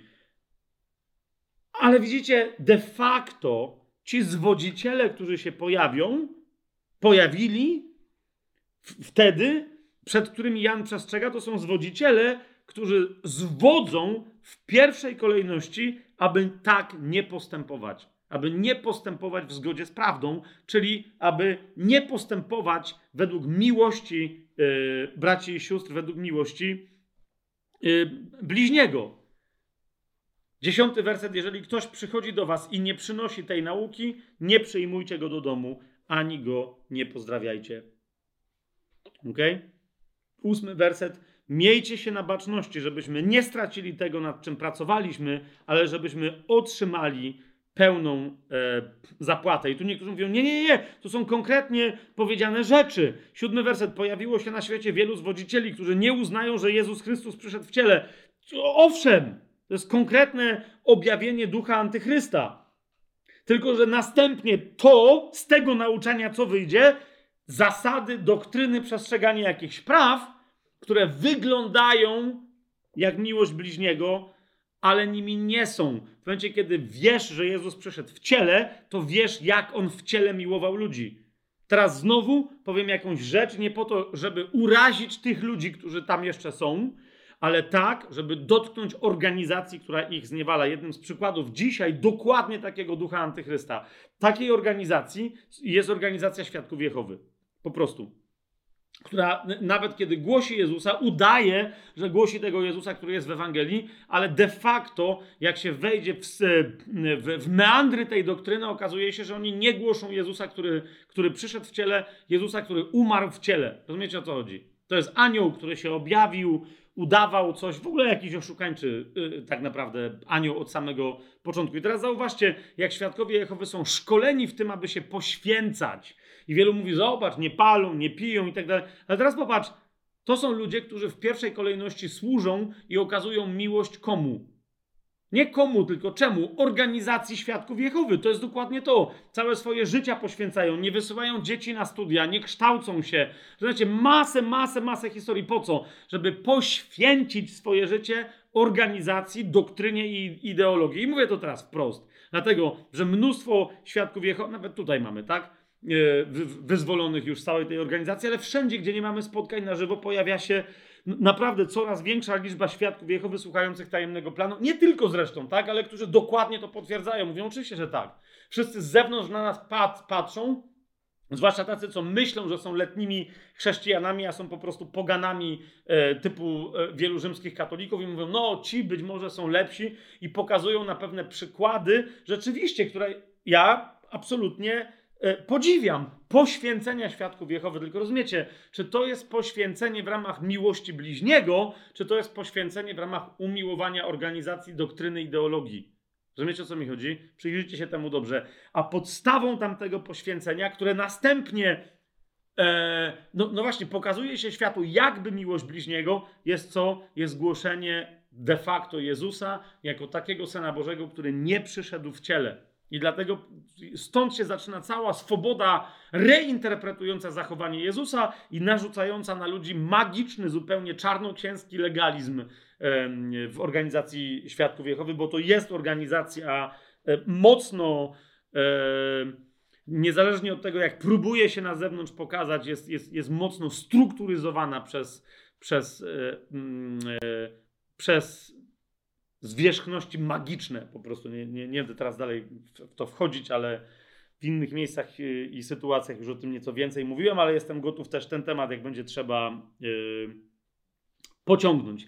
I dlatego, i dlatego, jak Jan podaje przykład, mówi między innymi po tym ich poznacie, że nie będą chcieli uznać yy, życia Jezusa w ciele i na przykład w związku z tym zmartwychwstania Jezusa w ciele. Rozumiecie? No to, to jedna z pierwszych, jeden z pierwszych momentów, kiedy świadków Jehowy głoszących tam coś, którzy wiedzą o co idzie, nie takich, co tak, wiecie, stoją przy tych, z tymi strażnicami, tylko takich, co już chodzą po domach, takich bardziej profesjonalnych, to będzie dokładnie, to, to, jest, to jest pytanie o zmartwychwstanie Jezusa. Nie, nie, nie tak jest? I oni, i wtedy nagle się okazuje, nie, nie, bo tu Jezus nie zmartwychwstał w ciele, tu problem z krzyżem, te wszystkie historie. Ale są konkretne fragmenty w Biblii, które mówią wyraźnie, że Jezus się pokazał, mówi: Hej, zobaczcie, dotknijcie, że ja mam ciało, nie jestem duchem. Nie tak, i on wprost mówi w Ewangelii Łukasza, nie jestem duchem i to udowadnia. I teraz albo to jest zupełnie oszukańczy duch, który okłamuje tych ludzi, no albo to jest prawdziwy Jezus, który jest prawdą, który mówi w tym momencie do nich prawdę i im ją demonstruje, który zmartwychwstał w ciele. Tak? Więc to się dopiero wtedy, kiedy pytasz o zmartwychwstanie w tych spotkaniach, dopiero wtedy się okazuje, jak oni mówią, no okej, okay, rzeczywiście e, zaczyna się wtedy problem. Ale jeszcze raz, Jezus mówi szybciej, zanim dotrzesz do takich doktryn, po czym poznasz yy, że czyjeś fałszywe nauczanie. Dziesiąty werset. Jeżeli kto, yy, przepraszam, dziewiąty werset. Każdy, kto wykracza poza naukę Chrystusa, a nie pozostaje w niej. Co jest nauką Chrystusa? Jego przykazania. Jakie jest przekazanie? Abyśmy się wzajemnie miłowali. Szósty werset, przekazanie jest takie, jak słyszeliście od początku, że macie według niego postępować. Kto wykracza poza nie. I teraz ktoś powie, no ale świadkowie Jehowy gdzie wykraczają? Że ja nie muszę z nimi dotrzeć do momentu, w ramach którego e, odkrywamy, że mają, że mają dziwaczną doktrynę i nieprawdziwą, niezgodną z Biblią na temat zmartwychwstania Jezusa. Zapytaj ich o wykluczanie ludzi. Nie? O, o, y, o, o to, jak, jakie relacje są w rodzinach. Ok? Jakie relacje mają w rodzinach, kiedy ktoś był świadkiem Jehowym, albo nie jest, albo staje się świadkiem Jehowy. A wiecie o co mi chodzi? I wtedy, czy tam jest jakaś miłość, to nie, nie, nie, nie, nie. Są pewne rzeczy, które są naprawdę robione na pokaz z rozkazu. Co się teraz dzieje, jeżeli zbłądzi ktoś ze świadków Jehowy, jeżeli zachowuje pewne układy w sali królestwa ze starszymi sali królestwa i te, z tymi całą organizacją? Rozumiecie, może być kompletny bezczelny, kompletnie bezczelnym warchołem, hamem wobec innych, nic się nie stanie, ale niech to będzie kobieta, która nie ma wsparcia, która zadaje pytania, których mamy, y, y, przykładów na to mamy mnóstwo, to się wtedy nagle okazuje, że bez żadnej miłości, bez żadnego miłosierdzia, pół miasta, może miasta to teraz przesadziłem, pół wsi, pół dzielnicy przestaje się do niej odzywać z dnia na dzień, bo im nie wolno. Tak? Bo im nie, po prostu nie wolno. To jest kara, ostracyzm, odrzucenie. Proste. Nie musimy docierać aż do momentu miłości bliźniego, e, przepraszam, e, z, e, doktryny o zmartwychwstaniu Jezusa, kiedy widzisz nagle tutaj w prostych, oczywistych momentach, że hej, Jezus powiedział, żeby miłować nawet wrogów. A tu jest, co, co się tutaj stało? Nie próbujecie nawet tej osoby, nie ona podważa doktrynę, koniec, atak frontalny. Serio? To samo jest przecież w rzymskim katolicyzmie. Zwróćcie uwagę w tych ludowych odmianach rozmaitych i tak dalej, gdzie po prostu nie. Nagle mówisz, hej, bo ja zacząłem czytać Biblię, nieważne. Jak przypominam sobie jedną siostrę, która pracowała u satanisty, robiąc satanistyczne tatuaże. Nie było żadnego problemu, bo wracała do domu e, z, Krakowa na Podhale i szła z rodzicami na mszę. Wiecie o co mi chodzi? Do spowiedzi, czy nie wiadomo, że do spowiedzi, do komunii to rozwroku i wystarczy to tam, daj spokój. Tak? Wystarczy, że przyjechała, nagle się okazało, że rozumiecie, zmienia swoje życie, chce wyjść za mąż, zaczęła się modlić, mówi, że Jezus żyje, że Jezus zmartwychwstał, że zrezygnowała z pracy, w ramach której robiła diaboliczne e, tatuaże, tak? Co się stało problemem? Ale zaraz, wiarę zmienios? Tak? Na, tak? na kocią wiarę przechodzi? No i na tych, rozumiecie, i zaczął, zaczął się frontalny atak, wyparcie się córki, wyrzucanie jej z rodziny i tak dalej, i tak. Więc jeszcze raz, Mamy tam do czynienia wtedy z chrześcijanami. Teraz ja nie mówię, że cały katolicyzm taki jest, tylko mówię o tej konkretnej sytuacji. Ile mamy takich przykładów? Tak? Jeszcze raz, jeszcze raz. Jeżeli każdy, kto, zobaczcie, yy, drugi list Jana, dziewiąty werset, każdy, kto wykracza poza naukę Chrystusa, jaką? Tą! To nie jest zestaw jakichś doktryn Ponieważ Jan w tym liście nie podaje zestawu doktryn, on tylko mówi o miłowaniu się nawzajem w ciele Chrystusa. Mówi, kto, po, kto w ramach swojego nauczania wykracza poza tą naukę, to przyłapiesz go jeszcze na innych doktrynalnych błędach, ale po tym, mówi, już go poznasz. Tak? Jeżeli ktoś przychodzi do was i tej nauki nie przynosi, nie przyjmujcie go do domu, ani go nie pozdrawiajcie. Kto bowiem takiego pozdrawia, przez sam ten fakt staje się uczestnikiem jego złych uczynków. W trzecim y, liście Jana, zerknijmy tam sobie, zobaczcie trzeci, czwarty werset. To samo nauczanie. Uradowałem się bowiem bardzo, gdy przyszli bracia i dali świadectwo o prawdzie w tobie, jak postępujesz w prawdzie. Zauważ, skąd ja wiem, że ty masz prawdę w sobie? Bo wiem, że postępujesz w prawdzie, czyli co, y, czyli co robisz? Żyjesz według przekazania miłości. Po prostu. Ja wiem, że masz prawdę w sobie, a nie nikt cię nie przepytał, nie wziął książki Błaszkiewicza, w co wierzą biblijni chrześcijanie i nie sprawdził, czy całe twoje credo się zgadza. Rozumiesz? Bo również to samo to, jakby w moim życiu miało tego zabraknąć, to z tego, że taką książkę napisałem. Każdy może, wiecie, zrobić kompilację, sprawdzić doktrynę, teologię ewangeliczną i napisać dobrą książkę na ten temat i wcale nie być chrześcijaninem. Wiecie, o co mi idzie? Czwarty werset. Nie ma dla mnie większej radości, pisze Jan, od tej, gdy słyszę, że moje dzieci postępują w prawdzie. Nie wiem, czy widzicie. Nie mam większej radości. To jest dokładnie to. Błędy doktrynalne, takie inne. Okej, okay. miłość bliźniego. Ósmy werset. On tam podaje przykład innych, którzy wyruszyli, yy, nie biorąc niczego od pogan. I teraz zauważcie, powinniśmy takich przyjmować, abyśmy się stali współpracownikami dla prawdy. I ty nie musisz koniecznie być misjonarzem, gdzieś tam robić, jeździć, coś, tak? Ale mówi, przyjmij ich. Miej dom otwarty dla nich, dziel się z nimi swoim jedzeniem, dach e, e, nad głową im e, zapewnij. Stań się współpracownikiem dla prawdy w ten sposób. Dwunasty werset, zwróćcie uwagę, Demetriuszowi wystawili dobre świadectwo. Kto? Inni, bracia i siostry? Wszyscy nawet sama prawda. To jest bardzo tajemnicze zdanie. Wiele osób mówi, e, e, że ktoś tam musiał być świadkiem, e, e wiecie, w ramach wspólnej modlitwy, proroctwa, które zostało wypowiedziane w stylu to mówi Pan. Nie? Czyli, że sama prawda powiedziała, czyli kto? No Jezus osobiście powiedział. I teraz jak ktoś ma problem z tym, umówmy się, Jezus przez autora tego listu napisał siedem listów do kościołów w tamtym czasie i nikt z tym nie miał problem. Tak?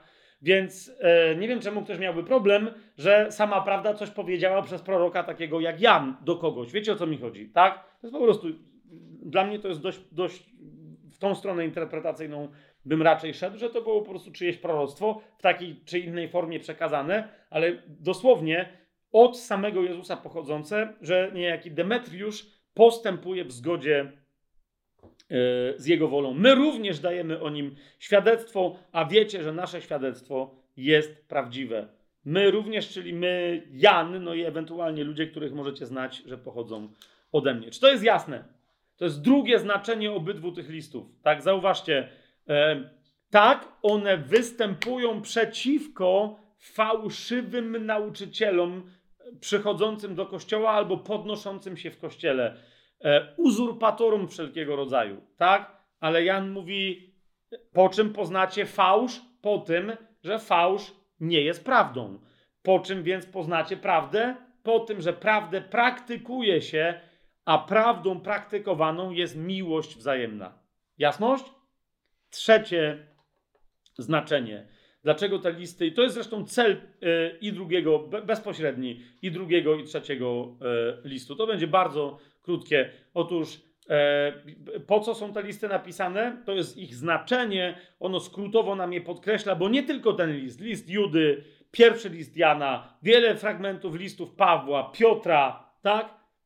To jest, to, y, te listy są napisane z jednym prostym rozkazem. Kościele do całego kościoła, na przykład pierwszy list Jana, ale drugi i trzeci mówi: Ty, jako pojedynczy członek ciała Chrystusa, siostro i bracie, tak, wybrana pani i bracie Gajuszu, rozróżniaj i segreguj.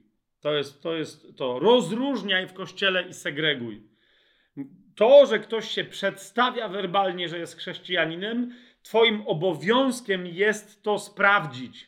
Do jednego z kościołów, siedmiu kościołów, w jednym z listów jest napisany jeden kościół, nie wiem czy pamiętacie, który jest pochwalony przez Jezusa. On tam mówi, że, że, że byli ludzie, którzy się przedstawiali i którzy byli nawet być może uważani w kościele za apostołów, a Jezus do jednego z kościołów pisze, ale to mam.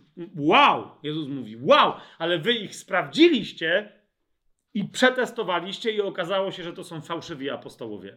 I Jezus to bardzo chwali.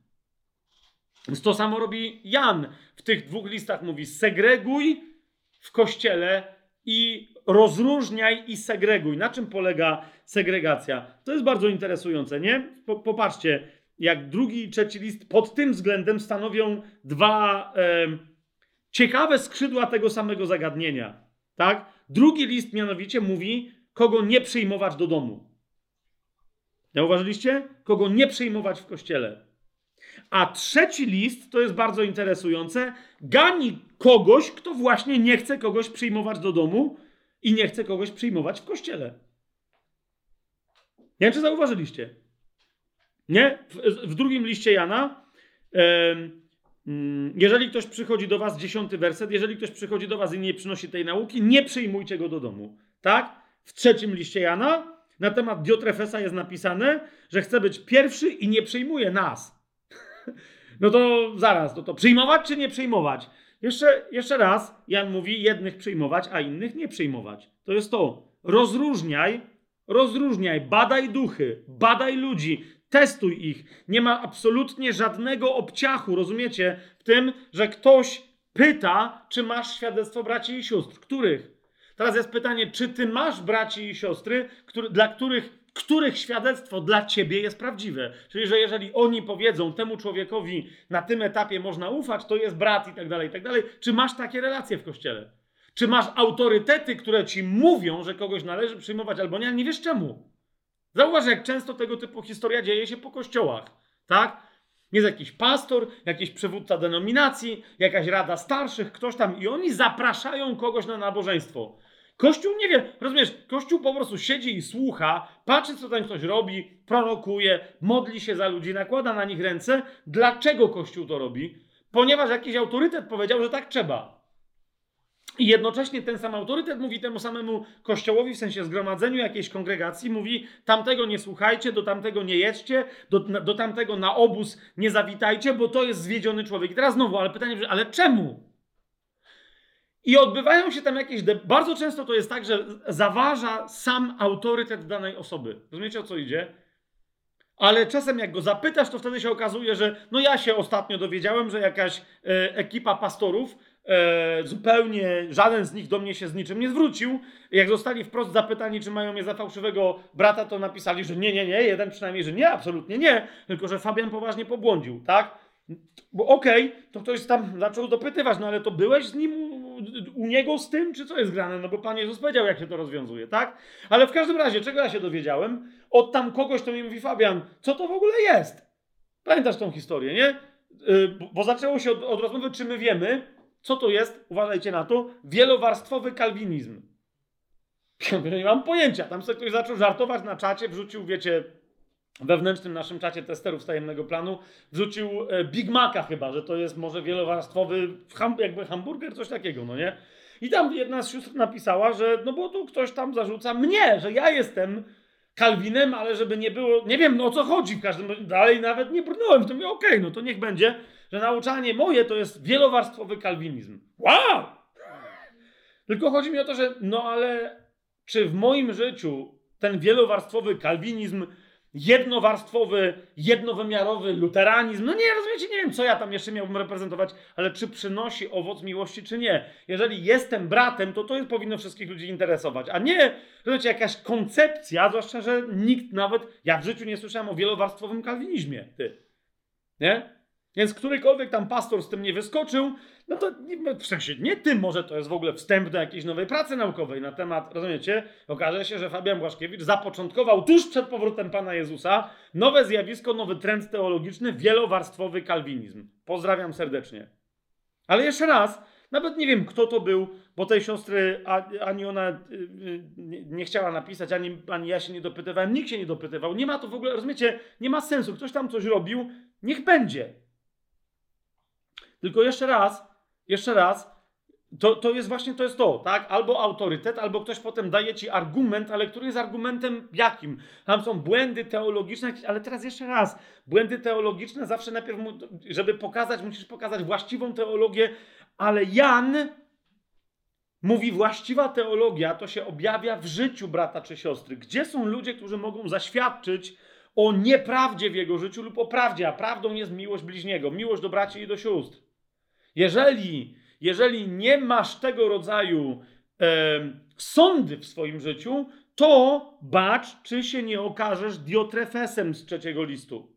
Kapujesz? Kimś, kto uzurpuje sobie prawo do tego, aby mieć jakąś władzę nad braćmi i siostrami, aby być pierwszym przed wszystkimi, do tego, żeby e, obmawiać innych złośliwymi słowami i nie tylko na tym, na tym nie tylko przestawać, ale wręcz zabraniać tym, którzy chcą przyjmować braci, żeby ich przyjmowali do domu, a kiedy ktoś się tego nie słucha, to ich wyrzuca z kościoła, czyli ekskomunikuje.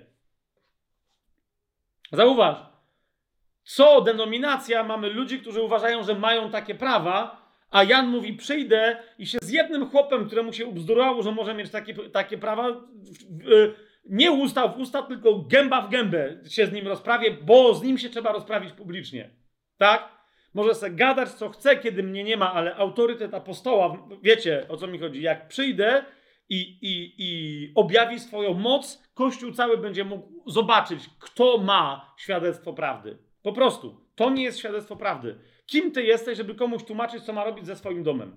Wiesz, o co mi idzie? A my mamy w chrześcijaństwie, wiecie, coś takiego, e, i niektórzy mówią, że to jest umiłowanie prawdy. Umiłowanie prawdy, które powoduje, że na czacie internetowym, na spotkaniach na żywo czasami, niektórzy e, e, w, ramach umiłowania prawdy tak bardzo są miłosierni i miłują innych, że brak im nawet podstaw kultury osobistej w rozmowie. Wiesz, o co mi chodzi? Wiele, ostatnio rozmawiałem z jednym y, y, katolikiem, ale uważam, że jest nowonarodzoną osobą i on bardzo ciekawie nazwał właśnie tam rozmówców, mniejsza o to, o co chodziło, mówi, no pieniacze zwyczajni. I mówi, nawet jeżeli są chrześcijanami, to, to mówi, byłem świadkiem rozmowy, w, w ramach której wiedziałem, że są też niechrześcijanie i co oni zobaczyli? Ludzi, którzy nawet nie mają kultury osobistej i uważają, że ich sprawa jest tak święta, że mogą zmieszać z błotem w absolutnie chamski sposób ludzi, których nazywają swoimi braćmi. Rozumiesz, niewierzący ludzie na to patrzą i mówią, ty, to dzięki, no nie? Zobaczcie, jak oni się kochają. Super, dzięki, nie? Lepiej zostać ateistą, ale kulturalnym. Z w miarę szacunkiem do innych ludzi, których się nawet nie zna. Rozumiesz? A tu ktoś uważa, że ty jesteś bratem w Chrystusie, a uznajesz taką doktrynę i taką i taką? Nie! Żeby tu jeszcze o doktryny chodziło, rozumiecie? Akurat w tamtym konkretnym przypadku, wiecie o co poszło? O, o serial The Chosen. Na, serio. Ja teraz nie powiem, gdzie to była, jaka dyskusja, ale oto nawet ostatnio brat Tymoteusz mi zwrócił uwagę. Jak ja coś powiedziałem o serialu The Chosen, którego nawet, wiecie, ani go nie oglądam, ani mi się specjalnie nie podobał. Jak widziałem razem z żoną tam jeden, czy, czy nawet chyba drugi kawałek sezonu, nieważne. E, I jak była mowa o Piotrze, tak? Tymek wyciął specjalnie fragment z jednego nauczania, gdzie mówiłem o tym, że jak mógł Piotr wyglądać. Czy jak Piotr z The Chosen, czy jak y, jeden z braci, który siedział wtedy na, na wykładzie, czy może jak ktoś zasugerował, jakaś postać z gry. Rozumiecie, to się rozpętała w pewnym momencie dyskusja i jeszcze w paru innych miejscach na temat The Chosen, że to jest zwiedzione, bo ktoś tam był, nie wiem, adwentystą czy kimś, już mniejsza o to. I Tymek mi zwrócił na co uwagę, mówi, ty patrz, jest dyskusja o chrześcijanach, którzy zrobili chrześcijański serial o chrześcijańskim Panu Jezusie i tak się zacietrzewili prawdziwi chrześcijanie, którzy to tam to są inni nieprawdziwi, że nikt nie zwrócił uwagi, że w dyskusji wziął też udział bohater, który jest bohaterem gry komputerowej, która się nazywa God of War. Rozumiecie? Czyli Bóg wojny, tak? Która. I nie rozumie się to chrześcijan w ogóle nie przejęło, że hej, tam była inna postać. Co, co Fabian dał za przykład? Już mniejszał to, kto dał przykład. Ale chrześcijany o co się zaczęły, zaczęły naparzać. O to, rozumiecie, kto jest prawdziwym chrześcijaninem. To, to wtedy pada moje pytanie. Czy my czasem wtedy jasno, czarno na białym nie widzimy ludzi, którzy się demonstrują wprost jako niechrześcijanie? Teraz jest tylko pytanie, czy są niechrześcijanami, ale jakby stare KGB powiedziało, pożytecznymi idiotami na usłudze satanizmu czynnego, czy też wprost satanistami udającymi, czy innymi okultystami udającymi chrześcijan, którzy głupich chrześcijan skłócają ze sobą, bo głupi chrześcijanie myślą, że istotniejsze są takie czy inne doktrynki, Rozumiecie, nawet nie w Biblii, nawet nie w teologii, tylko w jakimś obrazkowym e, ruchomidle kinowym, e, które, się, które się nazywa serialem o Jezusie, który, to jest serial na litość Boga żywego. To jest serial, czyjeś estetyczne przedstawienie takiego czy innego rodzaju. Komuś się podoba taka muzyka, komuś taka, komuś taki obrazek, komuś inny, komuś taki film, komuś inny, a tu jest walka, jak rozumiecie, od tego zależało zbawienie milionów ludzi, Tymczasem parę osób, które mogło być zbawionych, wyszły zgorszone z jednej dyskusji, bo uznały, no to jak takie jest chrześcijaństwo, to nara. Wiecie o co mi idzie? To jest Jan. Rozróżniaj w kościele, tak? Patrz, co ludzie robią, patrz, co ludzie mówią, Ktoś oczywiście y, mnie też może zarzucić, nawet teraz, że no Błaszkiewicz, ale tu jest gęba niewyparzona, jabłko roz, roz, rozwarte, gadasz na wszystko. Ja to kiedyś powiedziałem publicznie, całkiem niedawno na jednym spotkaniu takim otwartym, y, że owszem, dokładnie to, co mam w sercu, co sądzę, że mam powiedzieć, to mówię otwarcie, publicznie, w najgorszej możliwej formie, jaką w tym, w tym momencie w sobie mam. Czemu? No bo już gorzej się, ja już gorzej, y, ci z którzy mnie znają, wiedzą, że ja już gorzej prywatnie nie mówię. Nie? A niektórzy są wręcz zdziwieni, jak prywatnie ze mną gadają, że stary, myślałem, że dopiero wtedy na mnie siądziesz, a to całkiem fajna rozmowa. No tak, no bo ja rozumiesz, jeżeli coś źle myślę, coś źle, to jeżeli przedstawię to w ekstremalnej formie, to dlaczego? Dlatego, że prawdziwi chrześcijanie wtedy przyjmą i, przyjdą i powiedzą, Fabian, to nie tak brzmi, to nie tak szło, popraw to ta forma za ostro. Ja wtedy, rozumiecie, mogę to rozważyć, mogę to przyjąć, mogę to zmienić. Tak? Ale, ale wiem, że, że tego rodzaju sposób mówię. Paweł zresztą też mówi, że mo, moja mowa może wyglądać na prostacką, ale, ale baczcie, czy aby docieracie do głębi. Teraz ja nie wiem, że ja gadam jak Paweł. Chodzi mi tylko o to, że wiem, że prawdziwi chrześcijanie przyjdą ratując to, co ja chcę powiedzieć, wypowiedzieć, to, czego chcę nauczać. Wiecie o co mi chodzi? Jeżeli wiedzą, że jestem bratem, a nie przyjdą, żeby tylko czyhać na byle jaki błąd i żeby ten błąd był dowodem, że jesteś zwiedzeńcem, koniec antychrystnara. No wiecie, Bo dokładnie to, to jest to, co dzisiaj się dzieje w całym chrześcijaństwie. Proszę was, zwróćcie na to uwagę. Wystarczy jeden błąd, ktoś się rozmyśli, komuś się powinie noga. I teraz nieważne, ktoś może rzeczywiście wpaść w fałszywą doktrynę, powiedzieć coś nie tak. No ale do mnie kiedyś ktoś przyszedł, ja się machnąłem, coś palnąłem nie tak, podałem niewłaściwy namiar do jakiegoś tam biblijnego tekstu. Ktoś do mnie przyszedł i powiedział, nie mówisz z Ducha Bożego, nara, jesteś zwiedziony. Serio? Co to jest podstawówka polska z 70, nawet w 70 latach nie było tak źle. To jest cały czas tylko ten jest namaszczony, kto jest bezbłędny. Z całym szacunkiem, to jest Duch Święty. Tak? I dlatego koniec końców zawsze u każdego odkryjesz jakiś rodzaj błędu, ktoś się pomyli, czegoś nie zapamięta, przejęzyczy się, nawet popadnie po prostu, rozumiesz, zacznie wyznawać jakąś taką czy inną doktrynę, z którą się nie zgadzasz. Obczaj to. Rzecz nie polega na tym, abyśmy byli bezbłędni, ale abyśmy nadal trwali w miłości. Rozumiesz? Ponieważ wszyscy będziemy popełniać błędy. Jeżeli ktoś mi mówi, że tu mam nauczyciela, który nigdy nie popełnił błędu, to jedyne, co ci mogę powiedzieć, to jest, że fantastycznie się ukrywa. Ale jeżeli ktoś szczytuje w tym i celuje w tym, że fantastycznie się ukrywa, to pomyśl, kim on jest. Ok? Pomyśl, kim on jest, jeżeli, jeżeli cały czas najważniejsza rzecz, jaką chce demonstrować w swoim życiu, to jest, że jest bezbłędny, że w swoim zachowaniu, mowie, nauczaniu jest nieskazitelny. Jan już na wstępie pierwszego listu delikatnie, ale mocno przed tym przestrzega. To jest pierwszy rozdział, ósmy werset. Jeżeli mówimy, że nie mamy grzechu, sami siebie zwodzimy i nie ma w nas prawdy. Jeżeli wyznajemy nasze grzechy, Bóg jest wierny i sprawiedliwy, aby nam przebaczyć grzechy i oczyścić nas z wszelkiej nieprawości. I wreszcie ostatnie, kiedy mówimy, że Jan pisze te, te dwa listy, drugi i trzeci, żeby wezwać nas nie jako Kościół, ale jako pojedyncze osoby, pojedynczych braci i siostry, pojedynczych wierzących. Mówi, ty pojedynczo, siostro, wybrana pani, ty pojedynczo, bracie, niejaki umiłowany Gajuszu, ty masz odpowiedzialność. Nie zrzucaj tego na innych. Rozumiesz? Bo ktoś może nie zauważyć tego, co ty zauważysz. Ty masz odpowiedzialność. Ty masz odpowiedzialność w tym, żeby rozróżniać i segregować. I powiedzieć nie, albo powiedzieć tak. Kiedy cię pytają, żeby dać komuś o kimś świadectwo, albo żeby nie dać. Tak? Teraz jak na sam koniec tylko przyjrzyjmy się, jak to rozróżnienie skutecznie egzekwować w kościele. Ja już o tym wspomniałem, ale tylko tym dzisiaj y, skończymy. Rozróżnienie w kościele pochodzi od świadectwa braci i sióstr, których świadectwo my rozpoznajemy jako prawe, jako, których my rozpoznajemy jako postępujących w prawdzie. Rozumiesz?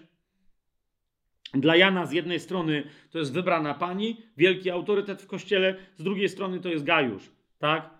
Z jeszcze innej strony to jest Demetriusz i tak dalej, i tak dalej. Jakie są twoje połączenia w kościele? Tak?